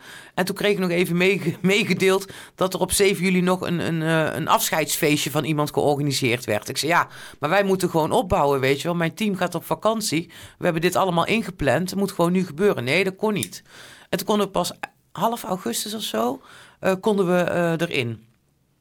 Ja, uiteindelijk opgebouwd, hadden de foto-exposities staan. En ehm, omdat we allemaal zo laat te horen hadden gekregen dat we de expositie daar konden doen, kon ik ook geen subsidies meer aanvragen bij de provincie. Want dan zit je met een, eh, een tijd van drie maanden. Dus voordat je begint, drie maanden daarvoor, moet je een subsidie aanvragen. En anders mag je niet beginnen. Als het er dichtbij zit of je bent er begonnen, krijg je het niet. Ja, dus ik had zoiets van, ja, nou heb ik een gigantisch probleem. Want ik moet die hele expositie daar opbouwen. Ja, dat kost 15.000 tot 20.000 euro. Dan moet ik een heel programma maken. We staan niet drie maanden, maar maar zes weken. Dus ik, ik kan ook niet terugverdienen met ticketing en dat soort dingen. Eh kregen we gelukkig wel een bijdrage vanuit de eh, gemeente Arnhem. Dat was super, ook weer via eh, de Liberation of eh, Airborne. En eh, Marieke van Kessel heeft ervoor gezorgd. Dankjewel Marieke, super. Eh, natuurlijk ook de PR hier op eh, die, dat elektronische bord ja, dat hier ja, heeft dat gestaan. heeft daar ruim eh, maand, ja, maand dat, gewoon dat gedraaid. was te gek. Ja, dus dan zie je ook van, oké, de dingen die, ja, die close, die ritsluit, die gaat toch dicht. Er zijn een aantal mensen die het wel kunnen. Dus we kregen een bijdrage van de gemeente Arnhem, maar bij de provincie konden we niet meer terecht. Nou, ik had voor de opening had ik natuurlijk mijn, mijn creatieve muzikale stuk had ik al bedacht. Tamara Walraaf heeft dat gedicht gedaan. Eh, Niels Roelen deed eh, het aan elkaar praten. Miranda die zong iets. En ik had eh, Jan van Dellen, die ken ik nog eh, als wethouder van eh, gemeente Arnhem. Die is in, de tussentijd directeur van de Economic Board. Die had ik gevraagd om te spreken. En eh, we hadden ook een, eh, een kolonel van eh Lucht eh, Mobiel. En eh, uiteindelijk heb ik ook gevraagd of gedeputeerde Peter Trent eh, wilde spreken. En ik had toch zoiets van, dan heb ik het allemaal bij elkaar. Dan heb ik overheid, dan heb ik eh, defensie en ik heb de ondernemers. Want ik had dus in het plan ook om ook in Arnhem een, een, een, TED, of een VetX Arnhem te organiseren. En dan heb je dus ook die partijen gewoon nodig. De militairen, de ondernemers, onderwijs, overheid. Dus ik dacht van nou, als ik dat in ieder geval alvast bij elkaar breng aan het begin, dan gaat me dat uiteindelijk over een aantal weken iets goeds opleveren als we een, een, een VetX Arnhem hadden georganiseerd. Uiteindelijk is dat ook in de grond geboord door dezelfde partijen. Maar ehm, toen ik sprak ik ook met Peter Drent en toen zei ik ook van ja, weet je, zo jammer dat we niet op tijd subsidie hebben aan kunnen vragen. Maar hij was, ehm, dat vond hij ook trouwens, maar hij houdt ook van een beetje creativiteit. En dat is ook mede de reden dat we dus nu die boekpresentatie hebben kunnen hosten in de provincie Gelderland. Is natuurlijk te gek. Eh, en dat foto-expositie daar staat. Hè. Dus eh, uiteindelijk hebben we het aan die kant niet waar kunnen maken. Maar uiteindelijk komt het dan wel goed. En ook gedurende de hele expositiefase en alle events die we hebben georganiseerd, heeft mij echt gewoon heel vaak laten weten dat hij echt onder de indruk was wat we daar met z'n allen hebben neergezet. Ook bij inhoudelijk programma en de aanloop en, en dat soort dingen. Dus ik, ja, ik denk dat hij ook gewoon echt een fan en een ambassadeur is. En zeker van de manier waarop we dat inhoudelijk hebben gepresenteerd. En van de week ook weer met die boekpresentatie. Ik vind dat toch te gek dat mensen echt gewoon geraakt zijn. Ja, ja. Nou, ik zat er wel net te kijken. Je hebt er wel inderdaad echt een, een machine van gemaakt. Nou, van ja, best wel gewoon ja, elke opening, of dat nou het kerkje is, of in delen, of, of eh, nu ook met die boekpresentatie of whatever. Het is altijd, het is altijd grijpend, aangrijpend of zo. ja, Eh, ja. Het, zijn weer, allemaal eh, kleine TEDx'jes zijn het eigenlijk. hè. Het zijn allemaal kleine ja, events met eh, muziek en cultuur en een En het zit, ook gevoel goed en in, emotie. het zit ook goed in elkaar met iedereen's naam op de achtergrond. Ja. En eh, nou, helemaal twee levensgrote schermen daar. eh. ja, ja, ja. Ik moet zo'n scherm in mijn studio hebben hier. Weet je wat je zou kunnen doen op de poppenkast.com? Gewoon een wenslijstje maken. Dat deed je lui... eh, ik had het toen op, op, op Petje Af toen een keer gedaan eh, met zo'n doel voor een nieuwe laptop. Maar uiteindelijk Nee, maar je, vind ik alweer je, ergens anders doel, je moet gewoon zeggen een nieuwe laptop of een scherm of een dit of een dat of een, gewoon een Nou wensenlijst. ja, het is een beetje een, een irrationele wens. Ik weet eerlijk gezegd Nee, niet echt te veel niet. wat ik ermee moet doen. Je gewoon hier neerzetten. gewoon, eh, ja, ik, ik- het liefst wil ik gewoon overal schermen eigenlijk. Dus, Dan ga je je camera draaien, je, je camera point. Dan heb je dan, weet je, dan als je daar dat scherm hebt, dan heb je hier je sprekers heb je dan schoon, schoon van dit soort materiaal. Zo'n situatie heb ik trouwens nu bij mij thuis ook een soort van gebouwd. Maar dan met een kleiner scherm. Met sch- schoon van? Ja, Van, dus, van armen en zo ja, ja, precies. Kijk, want nu, eh, nu pak je je punt van daar naar daar, zeg maar, de to eh, totaalshot. En, eh, Van waar naar waar? Ja, doe ze totaalshot maken nu. Ja, zie je? Dus Dan heb je, je hebt deze, je, die- ja, zo'n die. ruis. Kijk, en als je, als je daar een, een scherm hebt, zeg maar, daar dus, Ja, ja, ja, ja, en je pakt je shot hier, dan, dan heb je gewoon eh, heel ik heb er mooi... wel eens over na zitten denken, maar dan moet ik dus inderdaad de configuratie... Want het, het klopt trouwens sowieso niet wat ik doe. Hè? Dus dit, dit, ik, Maar ga, ik ga zwaar over... Ik, ik ga technisch, dit is camera technisch, ga ik zwaar over de as heen. Dit, dit, dit, dit klopt niet. Mhm. Je hoort inderdaad, eh, dan hoor ik eigenlijk die twee camera's hoor ik daar neer te zetten. Dus die horen, die horen daar te staan. En dan ga je niet over de as heen. Dan heb je inderdaad een, een, een integere eh, eh, schakel. Ja.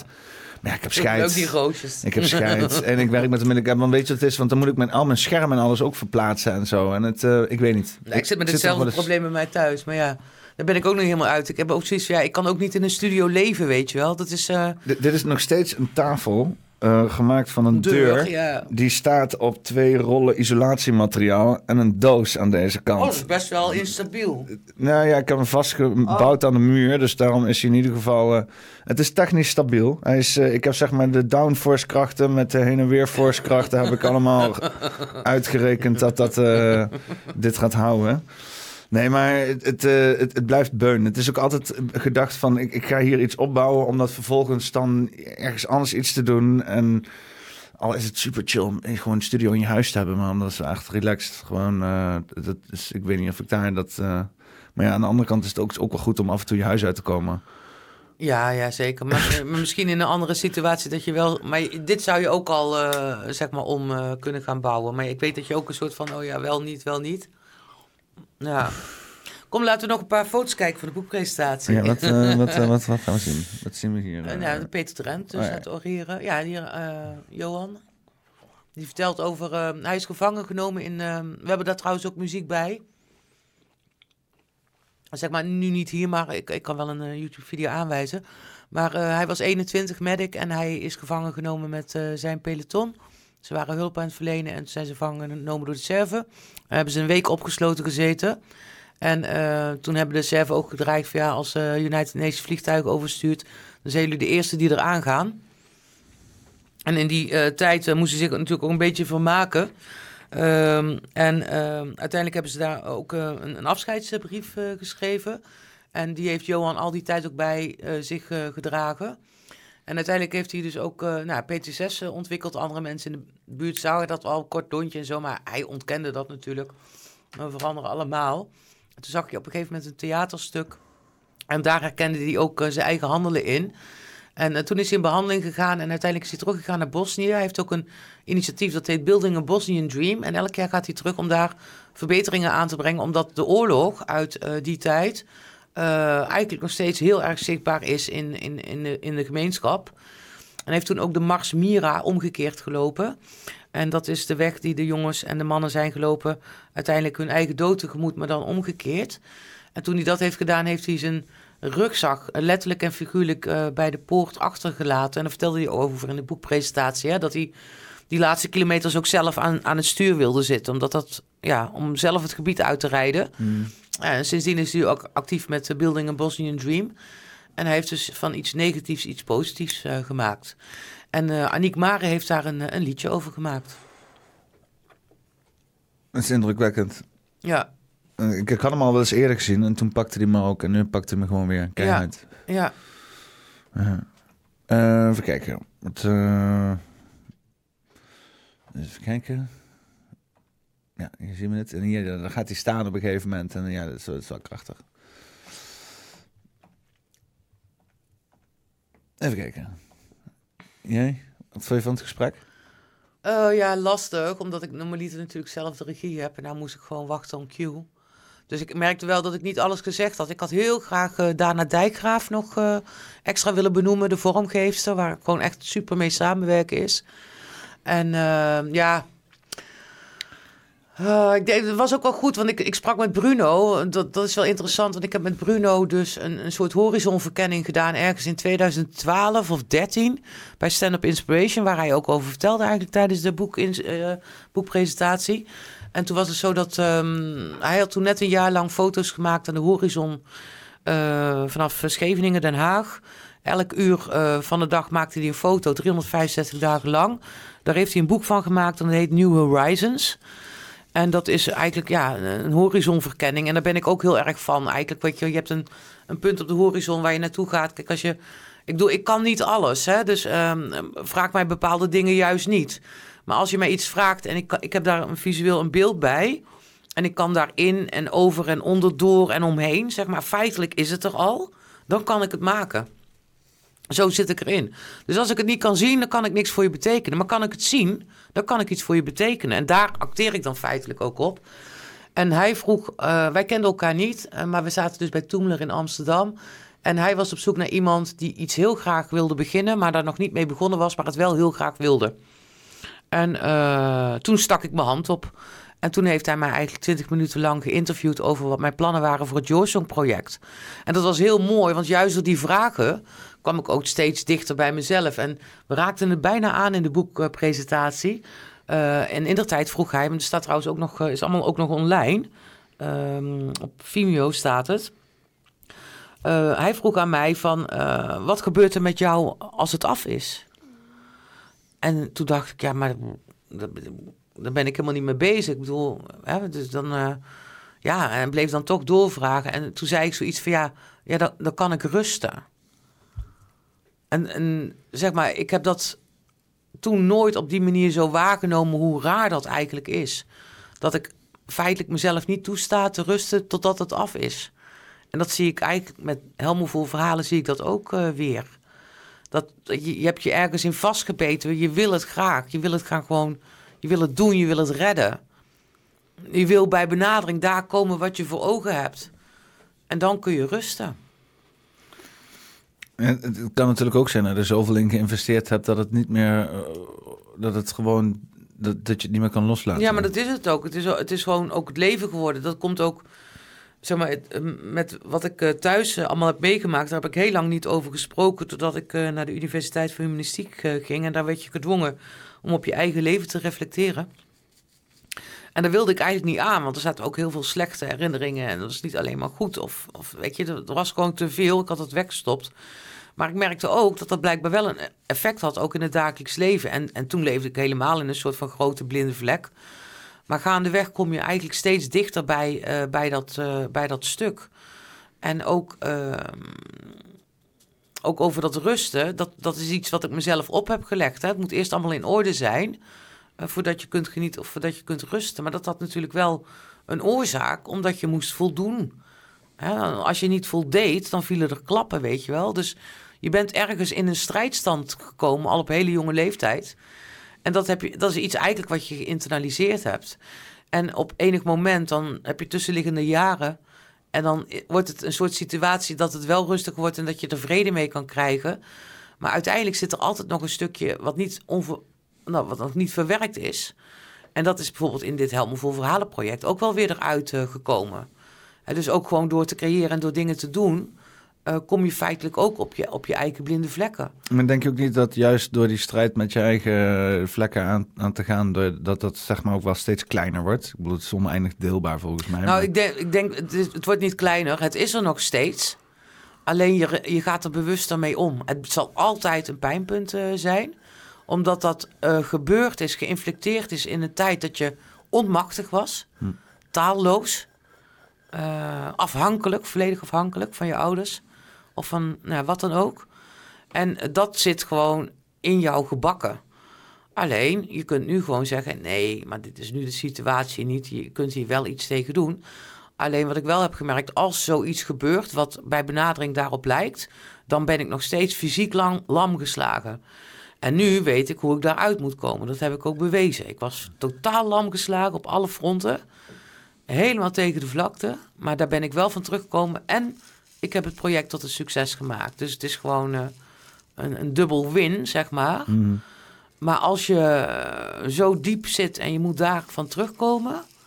Ja, het is een hele pijnlijke situatie. En voor hetzelfde, ja, ik kan me ook voorstellen dat mensen gewoon opgeven.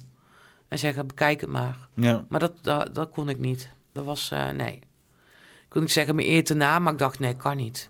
Ja, maar dat zit dan ook Dan ben je dat- helemaal kapot gemaakt En gewoon. dat, dat, dat zit dan ook in, dat, in het trauma, toch? Dat je al gewoon laat doorgaan op een of andere ja, manier. dat, ja, je- om, ja, je laat het te lang doorgaan. Je, je komt niet snel genoeg voor jezelf op. Ja. En dat heb ik ook wel ontdekt. Ik had al veel eerder... Ja, Ja. maar ik bedoel, waar, waar andere mensen zullen opgeven, daar eh, in dit geval heb jij gezegd, nee, ik ga niet opgeven. En dat is deels veroorzaakt dan door dat innerlijk trauma. Ja. Omdat je, wat je zegt, weet je, anders Ja. de klappen gaat krijgen. En nog steeds, eh, zeg maar, dat je denkt, van, dit moet gewoon af, gewoon Ja. door Ja, bulderen. ja, En, en dat daarmee, in dit geval, want je laat wel zien dat er alsnog mooie dingen mee te maken zijn. ja, ja, ja, Het is ja, niet alleen precies. maar destructie en zo. Hier en daar wel, maar misschien goed geplaatste destructie is ook nodig. Is dat zo? Was er destructie? Weet ik niet. Ik Hier en daar. Je zegt er ook van, als, als, eh, als, mensen, als het in de weg wordt gelopen, dan... Ja, kijk, ik, ehm, ik zeg maar, ik ben helemaal niet uit om iemand af te branden of zo. Maar als je zelf bezig bent en je krijgt voortdurend aanvallen, onterecht vind ik hè, maar voortdurend die aanvallen, op een gegeven moment genoeg is genoeg. En dat kan zijn van, oké, eh, de samenwerking stopt, ik haal mijn energie eraf, ik ga nu voor mezelf kiezen. En dat eh, inflicteert vaak bij mensen nog meer eh, woede of aversie. En dan gaan ze je nog harder aanvallen. En, en daar, dat extra stukje, daar pas ik voor. Ik, ik heb gewoon grenzen. En als ik zeg nee, dan moet je die nee ook respecteren. En doe je dat niet, ga je daar overheen, dan sla ik terug. Maar ik ga, ik ga niet, zeg maar, aanvallen om het aanvallen. Nee. Ik ben gewoon bezig. Ik, ik ben dit aan het doen. Dat, weet, dat weten ze fucking allemaal. En ga het niet kopiëren. Ga niet expres in de weg zitten. Eh, ga geen smaad en lasten praten over mij eh, de wereld instrooien. Ga niet eh, generaals en kolonels bellen en jezelf beklagen over mij. Want Dat is gewoon zielig, zeg maar. En dan moet ik die generaals en kolonels horen. Ja, eh, die belde over eh, jou. En die belde over jou. Dat is natuurlijk super irritant. En dan zeg ik ook van ja, praat met mij. Maar niemand praat met mij, want dat durven ze dan niet. Hè? Niemand komt aan tafel. Ja, Dan kan je anderhalf jaar wachten op een mediation. Ook via de inspecteur-generaal Krijgsmacht. En ook over integriteitsmeldpunt. Maar de grote jongens met hun babbels, die komen niet aan tafel. En dan denk ik van ja, ik ben maar een vrouw alleen hè. Maar ze komen niet aan tafel. En dat vind ik eigenlijk dat het achterbaksen achter je rug om het voortdurend aanvallen, met elkaar bespreken, bepiepelen, weet ik veel wat allemaal, met elkaar een gremium eh, vormen, een conglomeraat tegen jou. Dat vind ik echt eh, heel eh, fout. En ik heb dat heel lang geïncasseerd en op een gegeven moment is het klaar. En ehm, dan, eh, ja, dan moet ik gewoon eh, terugslaan. En dat is eigenlijk heel liefelijk en heel zachtaardig. Maar dat is iets wat ze niet gewend zijn. Want normaal komen ze er altijd mee weg. Dat is het hele probleem. En nu, eh, ik ben iemand, ik heb zoiets van nee. I know what you did. En dat heb ik in mijn achterzak. En ik vind gewoon dat je normaal met, met, met mensen om moet gaan. Ja. Don't fuck with me. Uiteindelijk, als je mensen lang genoeg op hun eigen ellende laat zitten, dan, dan vallen ze zelf wel eens een keer aan elkaar, zou zeggen. Nee, want er zijn altijd eh, enablers en mensen die ze helpen en zo. Ja, Want die, zo gaan ze door de wereld heen. Het, is, het is een skill. Zeg maar, gebruiken, uitzuigen, misbruiken. Het is een skill. Ja. En het is eh, dat, vaak met mensen die zelf gewoon heel weinig voorstellen, maar dan de art eh, of manipulation zeg maar heel goed kunnen doen. Dat is een beetje wat er gebeurt. Ja. Hmm. Hij moet sowieso de manipulatie kunnen zien. Nou, daar heb ik ook wel heel veel moeite mee gehad. Omdat ik ben, eh, zeg maar, positief naïef, noem ik mezelf altijd. Ik geloof altijd het goede van de mens. Daar heb ik ook wel een beetje last van, ja. Ja, maar ik heb, ik heb de afgelopen jaren heb ik zoveel eh, bad shit eh, meegemaakt. En echt verachtelijke dingen gewoon. Echt verachtelijk. Daar heb ik me echt over verbaasd. Waar haal je het in je hoofd? Maar dat heeft, dat heeft dan misschien dus ook wel ego. Dat ik denk van, hoe kun je dat tegen mij doen? Ja, wie ben ik dan? Ze doen het tegen iedereen. Maar als je iets hebt wat mensen willen, dan willen mensen het graag. Oh. Ja, ja. Ja, dan zijn ze bereid om heel ver te gaan. Ja, heel veel fake eh, gedrag en zo, ja. Maar goed, ehm, Waarom zijn deze happy olijven, hour. waarom zijn deze olijven zo zoet? Die, ja, omdat het zijn zoete olijven. De fuck, kerel. Ja. Wat, wat is een zoete olijf? ja, ik denk dat ze gewoon een schep suiker eh, erin hebben gedaan, in de saus. Ik vind ze, eh, maar soms vind ik ze wel lekker. Kijk, hoe, hebben, ik- hoe hebben ze olijven weten te jongen? Wat is dat nou? ik vind die worst wel lekker, daar niet van. Mm. Ja, maar goed, ja, ah, ik heb echt veel geleerd. Ik, doe wel even onder happy noten, zeg maar, weer komen. Echt veel geleerd. En ik... het ehm, al deze snacks was om te vieren, toch? Ja, ja, zeker. maar hoe heet het? eh, Ik, eh, dat vind ik wel jammer, dat ik wel iets van mijn naïviteit eh, ben verloren. Waarom dat dan? Nou, maar ik, ben- ik ben nog steeds op mijn... Ik, ik, ik ben op een bepaalde soort manier op mijn vive wat ik niet wil zijn, zeg maar. Maar wat ik nog wel... Ik moet een nieuwe vorm vinden. Om met mensen en dingen en zo om te gaan. Natuurlijk niet met iedereen, maar wel met nieuwe mensen. Ja. En eh, dat had ik voorheen nooit. Ik keek altijd uit naar nieuwe mensen en nieuwe ontmoetingen. En nu op een bepaald soort manier natuurlijk nog wel. Maar ook weer niet. Dat is wel jammer. Ik ben zo altijd, altijd huiverig met nieuwe mensen. Ja, ben je altijd huiverig? Ja. Maar... eh, Hoe ziet dat eruit eh, als je huiverig bent voor nieuwe mensen? Nou, gewoon, dat zeg ik niet veel. Oh zo. Moet je kijken wat er, eh, wat er, eh, wat er gaande is en zo. Mhm. eh. misschien... Maar ik bedoel, het is niet... meest, meestal... wat men- interacties met mensen gewoon het liefst onderling is meestal heel chill. Mhm. Sommige zijn wel vreemd, maar ik vind dat dat wel grappig. Nou, zeker bij de Bosperians. En dan kom je echt allemaal, allemaal aparte figuren, paradijsvogels en van alles. Ja, ook egootjes en zo, weet je wel. Maar Ook- ja. ik vind het ook wel... het is ook leuk. Er ook bij. Het is ook allemaal een spectrum, hè. Ja, maar ik denk ook, zeg, eh, zeg maar, richting, omdat je natuurlijk ook de poppenkast eh, doet, ehm, denken mensen je ook op een bepaald soort eh, manier eh, te kennen. En ehm, natuurlijk heb je ook wel een rol en een, een soort entertainmentwaarde. Eh, maar ik denk wel dat een groot deel van jouw persoonlijkheid ook wel doorstraalt in wat je aan het doen eh, bent. En bij andere mensen is dat totaal niet zo. Die, die hebben ook gewoon een totaal, ook op een podcast, totaal rookgordijn eh, op eh, eh, geworpen. En, en vooral proberen hun, hun tegengast heel erg naar de mond te praten. Ja, je hebt En ook mensen die, waar- waarbij hun authentieke zelf wat minder wordt of wat moeilijker wordt gewaardeerd of zo. Ja, ik heb ligt- trouwens ook last van hoor, dus ja. Maar het ligt er ook Het aan een rol. beetje- Ben je interviewer of, of heb je een gesprek? Of weet je, wij zitten gewoon feitelijk slap te ouwe hoeren. Daarom kan ik het er ook allemaal over hebben. Kunnen een glaasje drinken, wat roken. Want Maar- maar- maar de je- duur niks. Jezelf kunnen zijn op eh, allerlei plekken is best wel chill. Ja, ja, dan is eigenlijk een gave. Maar dat is ook weer in, in welke mate anderen dat toe, toestaan. eh. ik weet nog ook in die periode, op een gegeven moment, dan kreeg ik, eh, ging het dus helemaal niet over het werk wat ik aan het doen eh, was, of oh, met het project en zo. Nee, dan kreeg ik alleen maar eh, kritiek over, ja, ze drinkt margaritas. Nou, en dat ging me toch rond. Nou, dat was wat. Dat was me wat. Ik dronk margarita's. Nou, oh, Sodom en Gomorra. Man, man, man, man. Een Weet je kwaadaardig drankje is dat, eh Ja, nou, het is wel een kwaadaardig drankje, laten we wel wezen. wel een menig margaritaatje wegtikt natuurlijk. Was de laatste keer was het bij... eh Met jij? eh, Nou, waren, toen er geen nee, nee, margaritas. Dat was volgens mij was met, margarita-alarm was dat. Met de Tattoo Guys, eh, met eh, Jim Mm. en eh, ja. Mm. Ja, klopt. Maar ja, goed, dat, dat eh, even kijken, we hadden het nou net over. Ehm,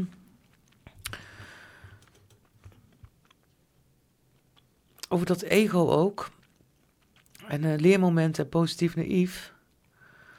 En inderdaad, schicht, ja, ja, ja, ja. Ik vroeg eh, aan jou eh, waar dat dan eh, uit blijkt. Ja. Maar ja, goed, hoe ver moet je gaan met iemand voordat je... ja. Wanneer ken je iemand? Dat is een beetje de vraag natuurlijk. Of... Je kent iemand, vertrouwen. je kent iemand nooit helemaal, zeg maar. Nee, dat, dat is schier onmogelijk. Het, grootste verraad bevindt zich onder mensen die elkaar al leven lang kennen. Brutus. Ja, dat is een nummer van eh, Ben Harper. Dat gaat, eh, de tekst gaat van, ja, de, de, de stones for my enemy. Um, These wounds will mend, but I cannot survive. The roses from my friends. Ja. En dat is het ook, zeg maar. Je wordt eigenlijk het hardst genaaid door de mensen die het dichtst bij je staan. Of waarvan je dacht dat ze di- dicht bij je stonden. Waarin je eh, je dingen hebt verteld. Waarin je je emotionele leven hebt geduid. En dan gaan ze oorlog voeren over oorlog voeren. Ja, De meeste moorden en verkrachtingen zijn door mensen die er dicht, die dichtbij stonden. In Mm. eerste familiegraad. eh, broeders, zusters, ouders, kinderen. Kamer afmaken. Welkom in mensheid. Ja, ja, ja. ja. Nou, nou is het eh, weer een putje beland. eh. Oh. Ja, en we zijn gewoon, het is wel grappig, want dat hele humanisme gebeuren. En dat is inderdaad toch het, het, het, het benaderen van een menselijke aspect en zo. Ik heb wel eens gehoord van accelerationisme. Nee. Dat komt volgens mij uit humanisme, heb ik laatst ergens gezien. Oké, k- wil je het ook even eh, googlen? En dan gaan we zo meteen weer verder met de boekpresentatie natuurlijk. Uh, ik, eh, accelerationisme Ja, ja, ja, ja. Wil je dat doen? Oké. Mm. Mm. Ja. Nou, in één keer goed geschreven. Je bent helemaal niet, niet dyslexisch. Ehm, moment, is in het Engels dan, fuck it. Niet Nederlands? Ja, Nederlands, ja. Accelerationisme. Eh, even kijken. Het accelerationisme, ook wel siegecultuur genoemd. Siegecultuur? Te fuck, mensen vertellen, meekijken. nee, ik zie hier nog geen humanisme in Eh, terug. is een rechtsextremistische ideologie aanhanger van de ideologie die als doel rasseoorlog te ontketenen door het middel van terroristisch geweld. Hm, zo heb ik eh, accelerationisme eh, niet. eh, eh, vol- volgens mij is dit wel Ja, een scroll eens hele. even naar beneden om te kijken of er nog iets eh, van humanisme uitkomt. Ja, wacht even. Want ik ben natuurlijk wel fan Nee, nee, nee, nee. Nou, van het humanisme. nou ja, laten we het eh, zeggen dat, eh, dat dat fake nieuws is voor het moment. Alleen eh, Wik-. Wikipedia moet er natuurlijk ook altijd een beetje. eh, even kijken. find humanism. Oh, hier, hier, hier. Uh, well, predominantly a political strategy suited to the industrial econo- uh, economy as acceleration has been uh, more successful discussed in debates about humanism and artificial intelligence. Oké. Oké, dit is een nieuwe vorm. Maar ja, wa- wa- wa- want eh, waar het op neerkomt, ik weet niet waarom daar in de Nederlandse versie eh, Ja, het staat misschien, in misschien is. ook boven, maar eh, ja. eh, en waarom dat dan als eh, extreem rechtstemmig eh, wordt gezien. Maar ja, je hebt inderdaad heel veel mensen die gewoon die willen ehm, eh, gewoon de, de, de potentiële ellende, het zwaard van Damocles wat boven ons hoofd hangt, gewoon laten gebeuren zo snel mogelijk, zodat we kunnen verder bewegen, zeg ja, maar. ja, en die emotie die zit dan gepakt in het accelerationisme. En dan heb je inderdaad heel veel intellectuele mensen, mensen die proberen dat allemaal het. te duiden met allemaal chique woorden. Maar Ja. daar komt het op neer, zeg ja, maar. ja, ja, ja, ja. Eh, Eigenlijk het versnellen van, eh, ja, ja van eh, zeg maar, vanuit het humanisme wordt de mens eh, centraal eh, gesteld met zijn eh, eh, gevoelens en emoties en belevingen en ervaringen. En wordt het niet buiten jezelf eh, geplaatst eh, richting een god of een, eh, een islam of een boek of weet ik veel wat. Maar dat we gewoon puur naar onszelf kijken. En daar gaat het ook om dat eh, er is een kleine strijd en een grote strijd. En de grote strijd is feitelijk tegen het nihilisme. Hè, dat het allemaal geen eh, nut heeft. Eh, en dat je, eh, ja, je, hè, je bent eh, marmer, bijtel, kunstenaar tegelijkertijd en hamer tegelijkertijd. Je geeft je eigen leven vorm. En je bent mede verantwoordelijk voor de vorm die zich dan weer aandient. En die vorm verandert elke keer met al die, die trauma's toen we onmondig, onmachteloos waren. die we toen hebben ervaren, waar we niet iets zelf konden doen, maar eigenlijk het. Ja, we hebben ons daaraan over moeten geven, op wat voor manier dan ook. Met disassociatie, eh, hè, eh, met verdwijnen uit je lichaam, eh, wegvallen, please gedrag. Dat ken ik ook. Ik wil het bij iedereen goed maken, want dan word ik met rust gelaten. Dat zit ook gewoon nog steeds in mij. Ik ben er alleen fucking goed in geworden, waardoor ik mijn werk ervan heb gemaakt. Weet je wel? Ja, Het, is, het is iets geworden waar, waarin ik excelleer. Om te kijken van wat er nodig is en hoe de dingen bij elkaar moeten komen. Dus ik heb van mijn zwakte heb ik, heb ik een kracht eh, kunnen maken. Maar ik word nog wel steeds getriggerd. Die pijn is er nog steeds. Eh, de pijn van onrecht, onvermogen, eh, machteloosheid.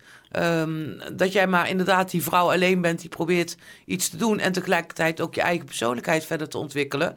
En probeert op een, een gebalanceerde lijn te lopen. Dat je niet afglijdt naar het zwart en allerlei rot trucken uit gaat halen wat die anderen wel doen. Maar dat je hoe dan ook probeert zuiver te blijven. Omdat je weet dat dat het pad is. Want als je één misstap maakt, voordat je het weet, glij je de afgrond in. En kom daar maar weer eens uit. En anderen kunnen jou alles aandoen. Maar het gaat feitelijk over eh, ook heel veel projectie. Hè? Dus ik, dat maak ik ook heel vaak mee. Dat mensen hun shit op mij gaan projecteren. Want dan hebben ze een ervaring met een ex-man of een broer of een vader, zeg maar, die hun heeft gebullebakt. En dan gaan ze dat op jou projecteren, want zij willen dat spel nog een keer uitspelen. Met iemand in deze tijd. En eigenlijk, dat zie je ook bij mensen die narcistisch zijn. eh, die, die zijn nooit losgekomen van hun moeder. En wat ze doen in relaties is dat ze eh, hun partner, hun vrouw, vriendin en ook vice versa eh, wel eens even een lesje gaan leren. Want dat, omdat ze zich nooit hebben losgemaakt van die moederfiguur. En dat blijft zich herhalen. En dat zie je ook met, eh, ja, ook in dit soort projecten best wel eh, veel projectie bij mensen die iets van jou willen of iets rechts willen zetten uit het verleden. En daar kiezen ze jou dan voor. En ik was vaak nog wel aangedaan, want dan stond ik echt gewoon, ik van, wat gebeurt hier, weet je, want dit gaat helemaal niet over mij. Wat zit je nou uit je nek te lullen? En dan kon ik daar echt zwaar van slag af, eh, van af zijn. En dan ging ik ook eerst bij mezelf onderzoeken, is dat zo? Is ook weer een vorm van afleiding. En nu ben ik eigenlijk al heel snel klaar mee. Dat is van jou oprotten. Dat is van jou, ga het maar met iemand anders uitzoeken, maar niet met mij. Daar, ga, daar, heb ik, daar heb ik nu ook helemaal geen tijd meer voor gewoon. Daar stond ik voorheen nog wel voor open, een soort van helpende hand. Van, oh, heb je iets uit te zoeken? Ik heb het ook al vaker meegemaakt in cursussen en workshops. Dat mensen tegen mij uitvallen. En eh, dan was uiteindelijk zeg, moet ik nog even blijven, want volgens mij moet hier nog iets geduid worden. Nee, dat was allemaal niet nodig. En dan was ik vijf minuten weg, werd ik teruggehaald. Dan kreeg ik alsnog de volle laag, zeg maar. En dan leek ik op iemands zus. Of ik leek op iemands moeder. Of weet je wel, dat, dat ben ik ook best wel veel eh, tegengekomen. En eh, voor, voor mij zit daar eigenlijk toch wel ook, eh, ja, het, het, voor wat betreft het humanisme in. Dat je je herkent in die ander. Maar je moet je niet laten gebruiken door die ander. Om zijn of haar ellende uit te spelen of uit te zoeken of uit te werken.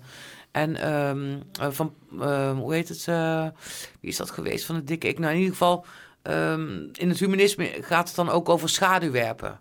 Van, hè, ik, laat, ik laat niet door jou een schaduw over mij werp, werpen. Ik mag je via, of eh, voor wie je bent, maar werp geen schaduw over mij. En laten we een andere manier eh, vinden om met elkaar om te gaan. En om dat uit te spreken en dat tegen te gaan, dat- vergt ook moed en ook dat op een goede manier te doen. Ik ben daar niet zo heel erg goed in, want bij mij is dan op een gegeven moment gewoon een grens bereikt. En eh, ja, dan slijp ik ook een mes, Ja. zeg maar. En dan in woorden. En dat, eh, dat zet ik dan op tafel, weet je wel. En dat is vaak te bruut. Dus eerder stoom afblazen. Ja, maar mensen zijn ook overvallen, maar ze hebben helemaal geen idee. Ze, kijk, op het moment dat je mensen niet eh, tijdig genoeg een grens aangeeft, denken ze dat ze alles kunnen maken. En ik ben zo iemand, ik, ik rek grenzen op, want ik, ik wil kijken hoe ver jij bereid bent om te gaan. Om mij het eh, moeilijk eh, te maken. Dus eerst neem ik het waar en dan denk ik, oeh, dat is apart. En dan zie ik het nog een keer en denk van, oh, eh, hè, dan is het geen toeval meer. Twee keer, drie keer is geen toeval meer. En dan ga ik gewoon die grens oprekken en dan kijken van, oké, wat gebeurt er nu? En dan zie je best wel vaak dat echt het slechtste in mensen naar boven komt. Maar ja, dan, dan heb ik er al even mee te dealen. En, maar dan is er toch een soort van bereidheid bij mensen om toch nog verder te gaan. Ja, en dat, dat stopt op een gegeven moment. En dat is voor mij dan inderdaad ook wel die grens waar ik het net ook over had. Van ik ben gewoon iets aan het doen en je kunt aanhaken en je kunt meelopen en profiteren. Dan ga je er dingen van afknabbelen, waardoor ik vaart eh, verlies, energie lekker gecreëerd worden. En dan eh, kijk ik dat nog even aan, dat verbetert niet, dan ga ik er iets van zeggen. En op het moment dat je er dan iets van zegt, ja, dan heb je vaak ook de, eh, ja, de aap aan het dansen, zeg maar. Want dan, dan voelen ze zich namelijk betrapt. Want ze konden er zo lang mee wegkomen, dachten ze. Maar heel veel mensen hebben niet door dat andere mensen ze in de gaten hebben. De meeste mensen draaien ook weg. En dat zou ook prima zijn in je privéleven. Kun je die keuzes maken. Dan kan je zeggen van ja, ik kies hier niet voor. We zijn geen vrienden meer, het is klaar. Maar als je bezig bent met een project... en er spelen zakelijke dingen in... en verantwoordelijkheden die je af moet leggen en zo... dan moet je in zo'n proces blijven. Ook al zou je al heel e- veel eerder persoonlijk afscheid hebben genomen... zul je toch moeten kijken, inderdaad... Kun je, ja, het voorbeeld wat jij ook noemde met de muziek... kunnen er toch uitkomen met een nieuwe vorm. En dat maakt dat je dus toch vaak langer doorgaat dan de bedoeling is. Ja. En Wat is de, hoe weet je wat de bedoeling was dan? Ik denk dat Retroactief erop terugkijkend of zo? Ik denk dat de bedoeling eigenlijk altijd een win-win-win situatie eh, te maken. Eh, win voor jou, win voor mij, win voor de maatschappij. Dat is, ik denk dat als je, als je het daartoe kan brengen, zeg maar, dat, dat is uiteindelijk, ja, dat niemand eh, tekort wordt gedaan. Ja. ja. Ja. Eerlijk zullen we alles delen. Ah, is dat een titel? Nee. oh jawel, waarom niet? Zijn we al aan het einde? Ja, we zitten er 2,5 uur in. Nee. Ja. Maar, Wat wil je doen? Uh, wil je er eind te breien? Of je nog wat, heb je nog wat eh, vlees? Of wat is het? eh, brood? Nee, in de kuip? Plank? Iets in de plank, in de kuip of zo? Ik, ik weet het niet. in de pap te brokkelen. Ja, zo. Nou, we kunnen ook wel even de laatste foto's van de boekpresentatie kijken. Hm? Dat is wel leuk. Lekker door eh, eh, scrollen.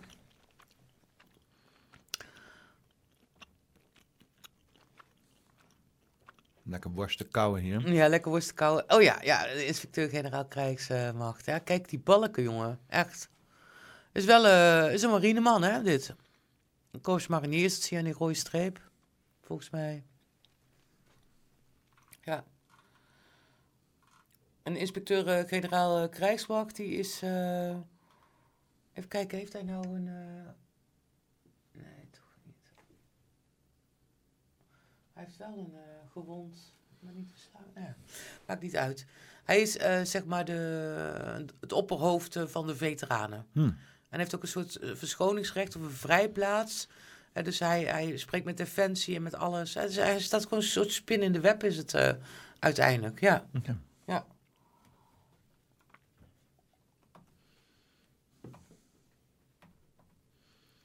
Even kijken. Hallo.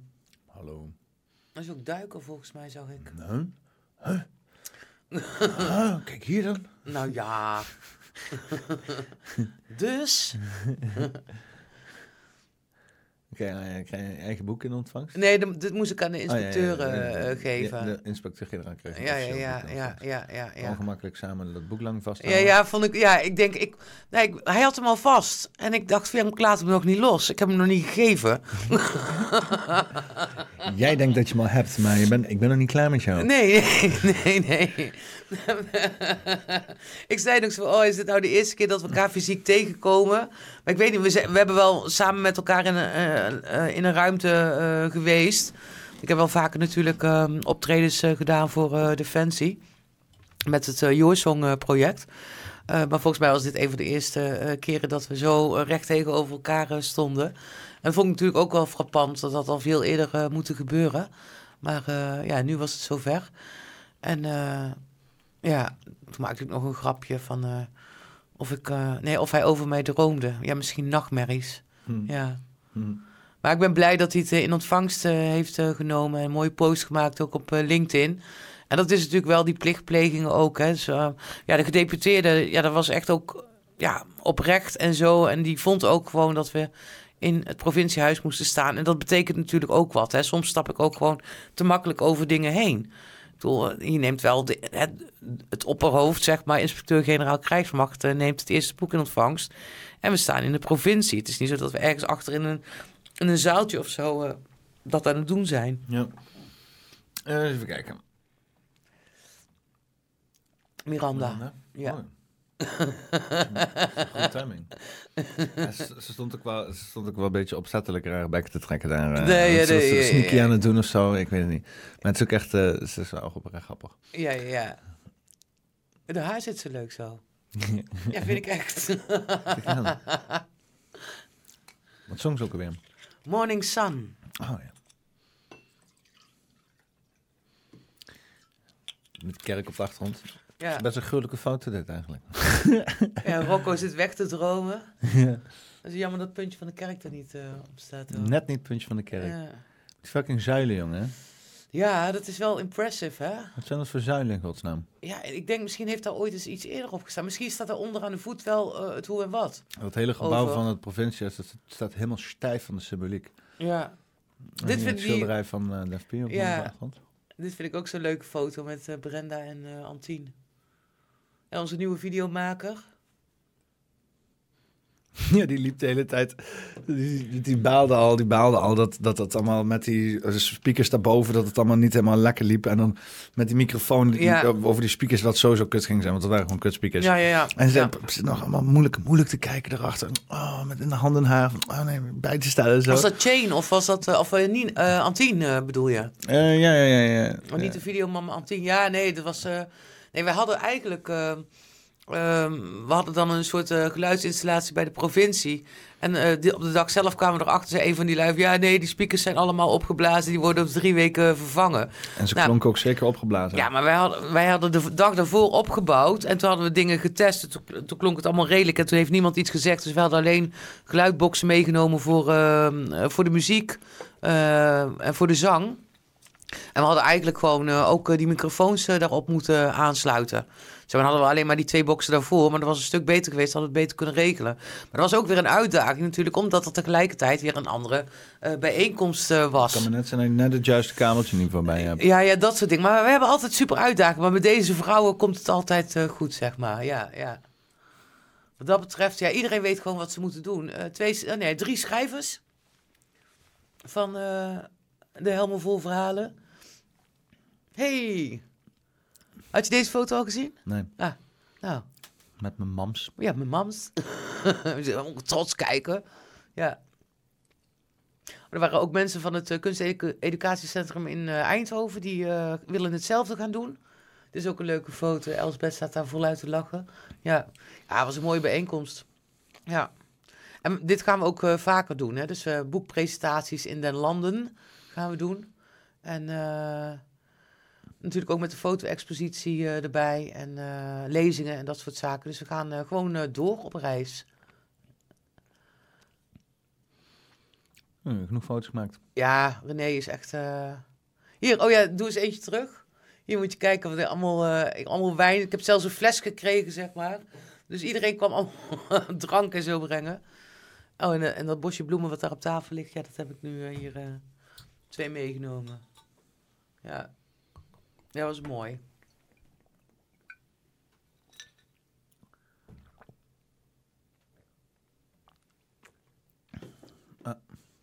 Hoi. Nou, dat was hem. Helemaal goed. Ja, ik moest natuurlijk voor jou even op de... Want je zei, ja, nou is het nog vers, nu moeten we het erover hebben. Ja. Over, eh, Ja, toch? En ik heb ook wel wat dingetjes aangeraakt die ik niet, eerder niet wilde, wilde vertellen. Die heb ik toch even lichtelijk zo Ja, aangeraakt. ja, toch? primeurs en zo. Nou, valt wel mee. ik ben niet, eh I'm not vindictive, zeg maar. Hm. Maar eh, ik, ik hou mijn mond ook niet dicht, zeg maar. Nee. Lukt je niet. Nee, maar ik bedoel, ik ga er ook geen eh, eh, ding van maken. Maar het zijn wel dingen die gewoon gebeurd zijn. Hm. En ik vind ook dat ik daar recht van spreken over heb. ja, je kunt me niet monddood maken. Dus ik zal het altijd, als er naar gevraagd wordt, zal ik erover vertellen. Ja. Ja. Ik moet alleen eh, oppassen dat ik in verdekte termen spreek, zeg maar. Want anders heb je gelijk weer de politie aan je deur. Ja. Hm. Maar, ehm, nou, titel? Wat had ik nou net over? Ehm, Eerlijk, zullen we alles delen? eerlijk zullen we alles delen. Ja. Vind ik wel mooi, ook met dat einde van het humanisme. En hè, we zijn ook allemaal soortgelijk, maar we hebben ook allemaal een eigen weg eh, te gaan. Ja. elkaar daar een beetje bij helpen. Zonder, eh, zeg maar, ja, persoonlijke of emotionele moord op de ander te plegen. Omdat je jezelf zo graag goed wil doen voelen. Hè, voor je eigen supply of zo, weet je wel. Voor je kortstondige shot, eh, zeg maar. Kut, hè, die worst. Ja, ik, heb ook, ik heb ook worst in mijn longen hangen momenteel. Ah, nee, joh. Ja, het is vreselijk. Ik heb, ja, ik heb in mijn lopen de worst naar binnen schokken gewoon. Ach ja. Zit hij in je luchtpijp? Ja, hij zit of in mijn neus of zo. In Nou ja, zo. wat is dit nou? Ik weet het helemaal niet. Vandaar dat je hem eh, af wil ronden.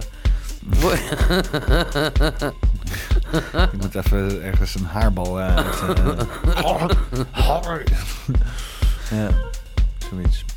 Waarom wil je nog langer doorgaan? Nee, nee, eerlijk zullen we alles delen. Eerlijk zal alles delen? Ja, Dat, ja. ja. Wat vind jij? nee, ik vind het goed. Helemaal Oké. goed. Nou, dat is hem. Was dit eh podcast nummer 154? Ja. Toch? 154. Eh, eerlijk zullen we alles delen. Met eh, Amy van Son. Dankjewel.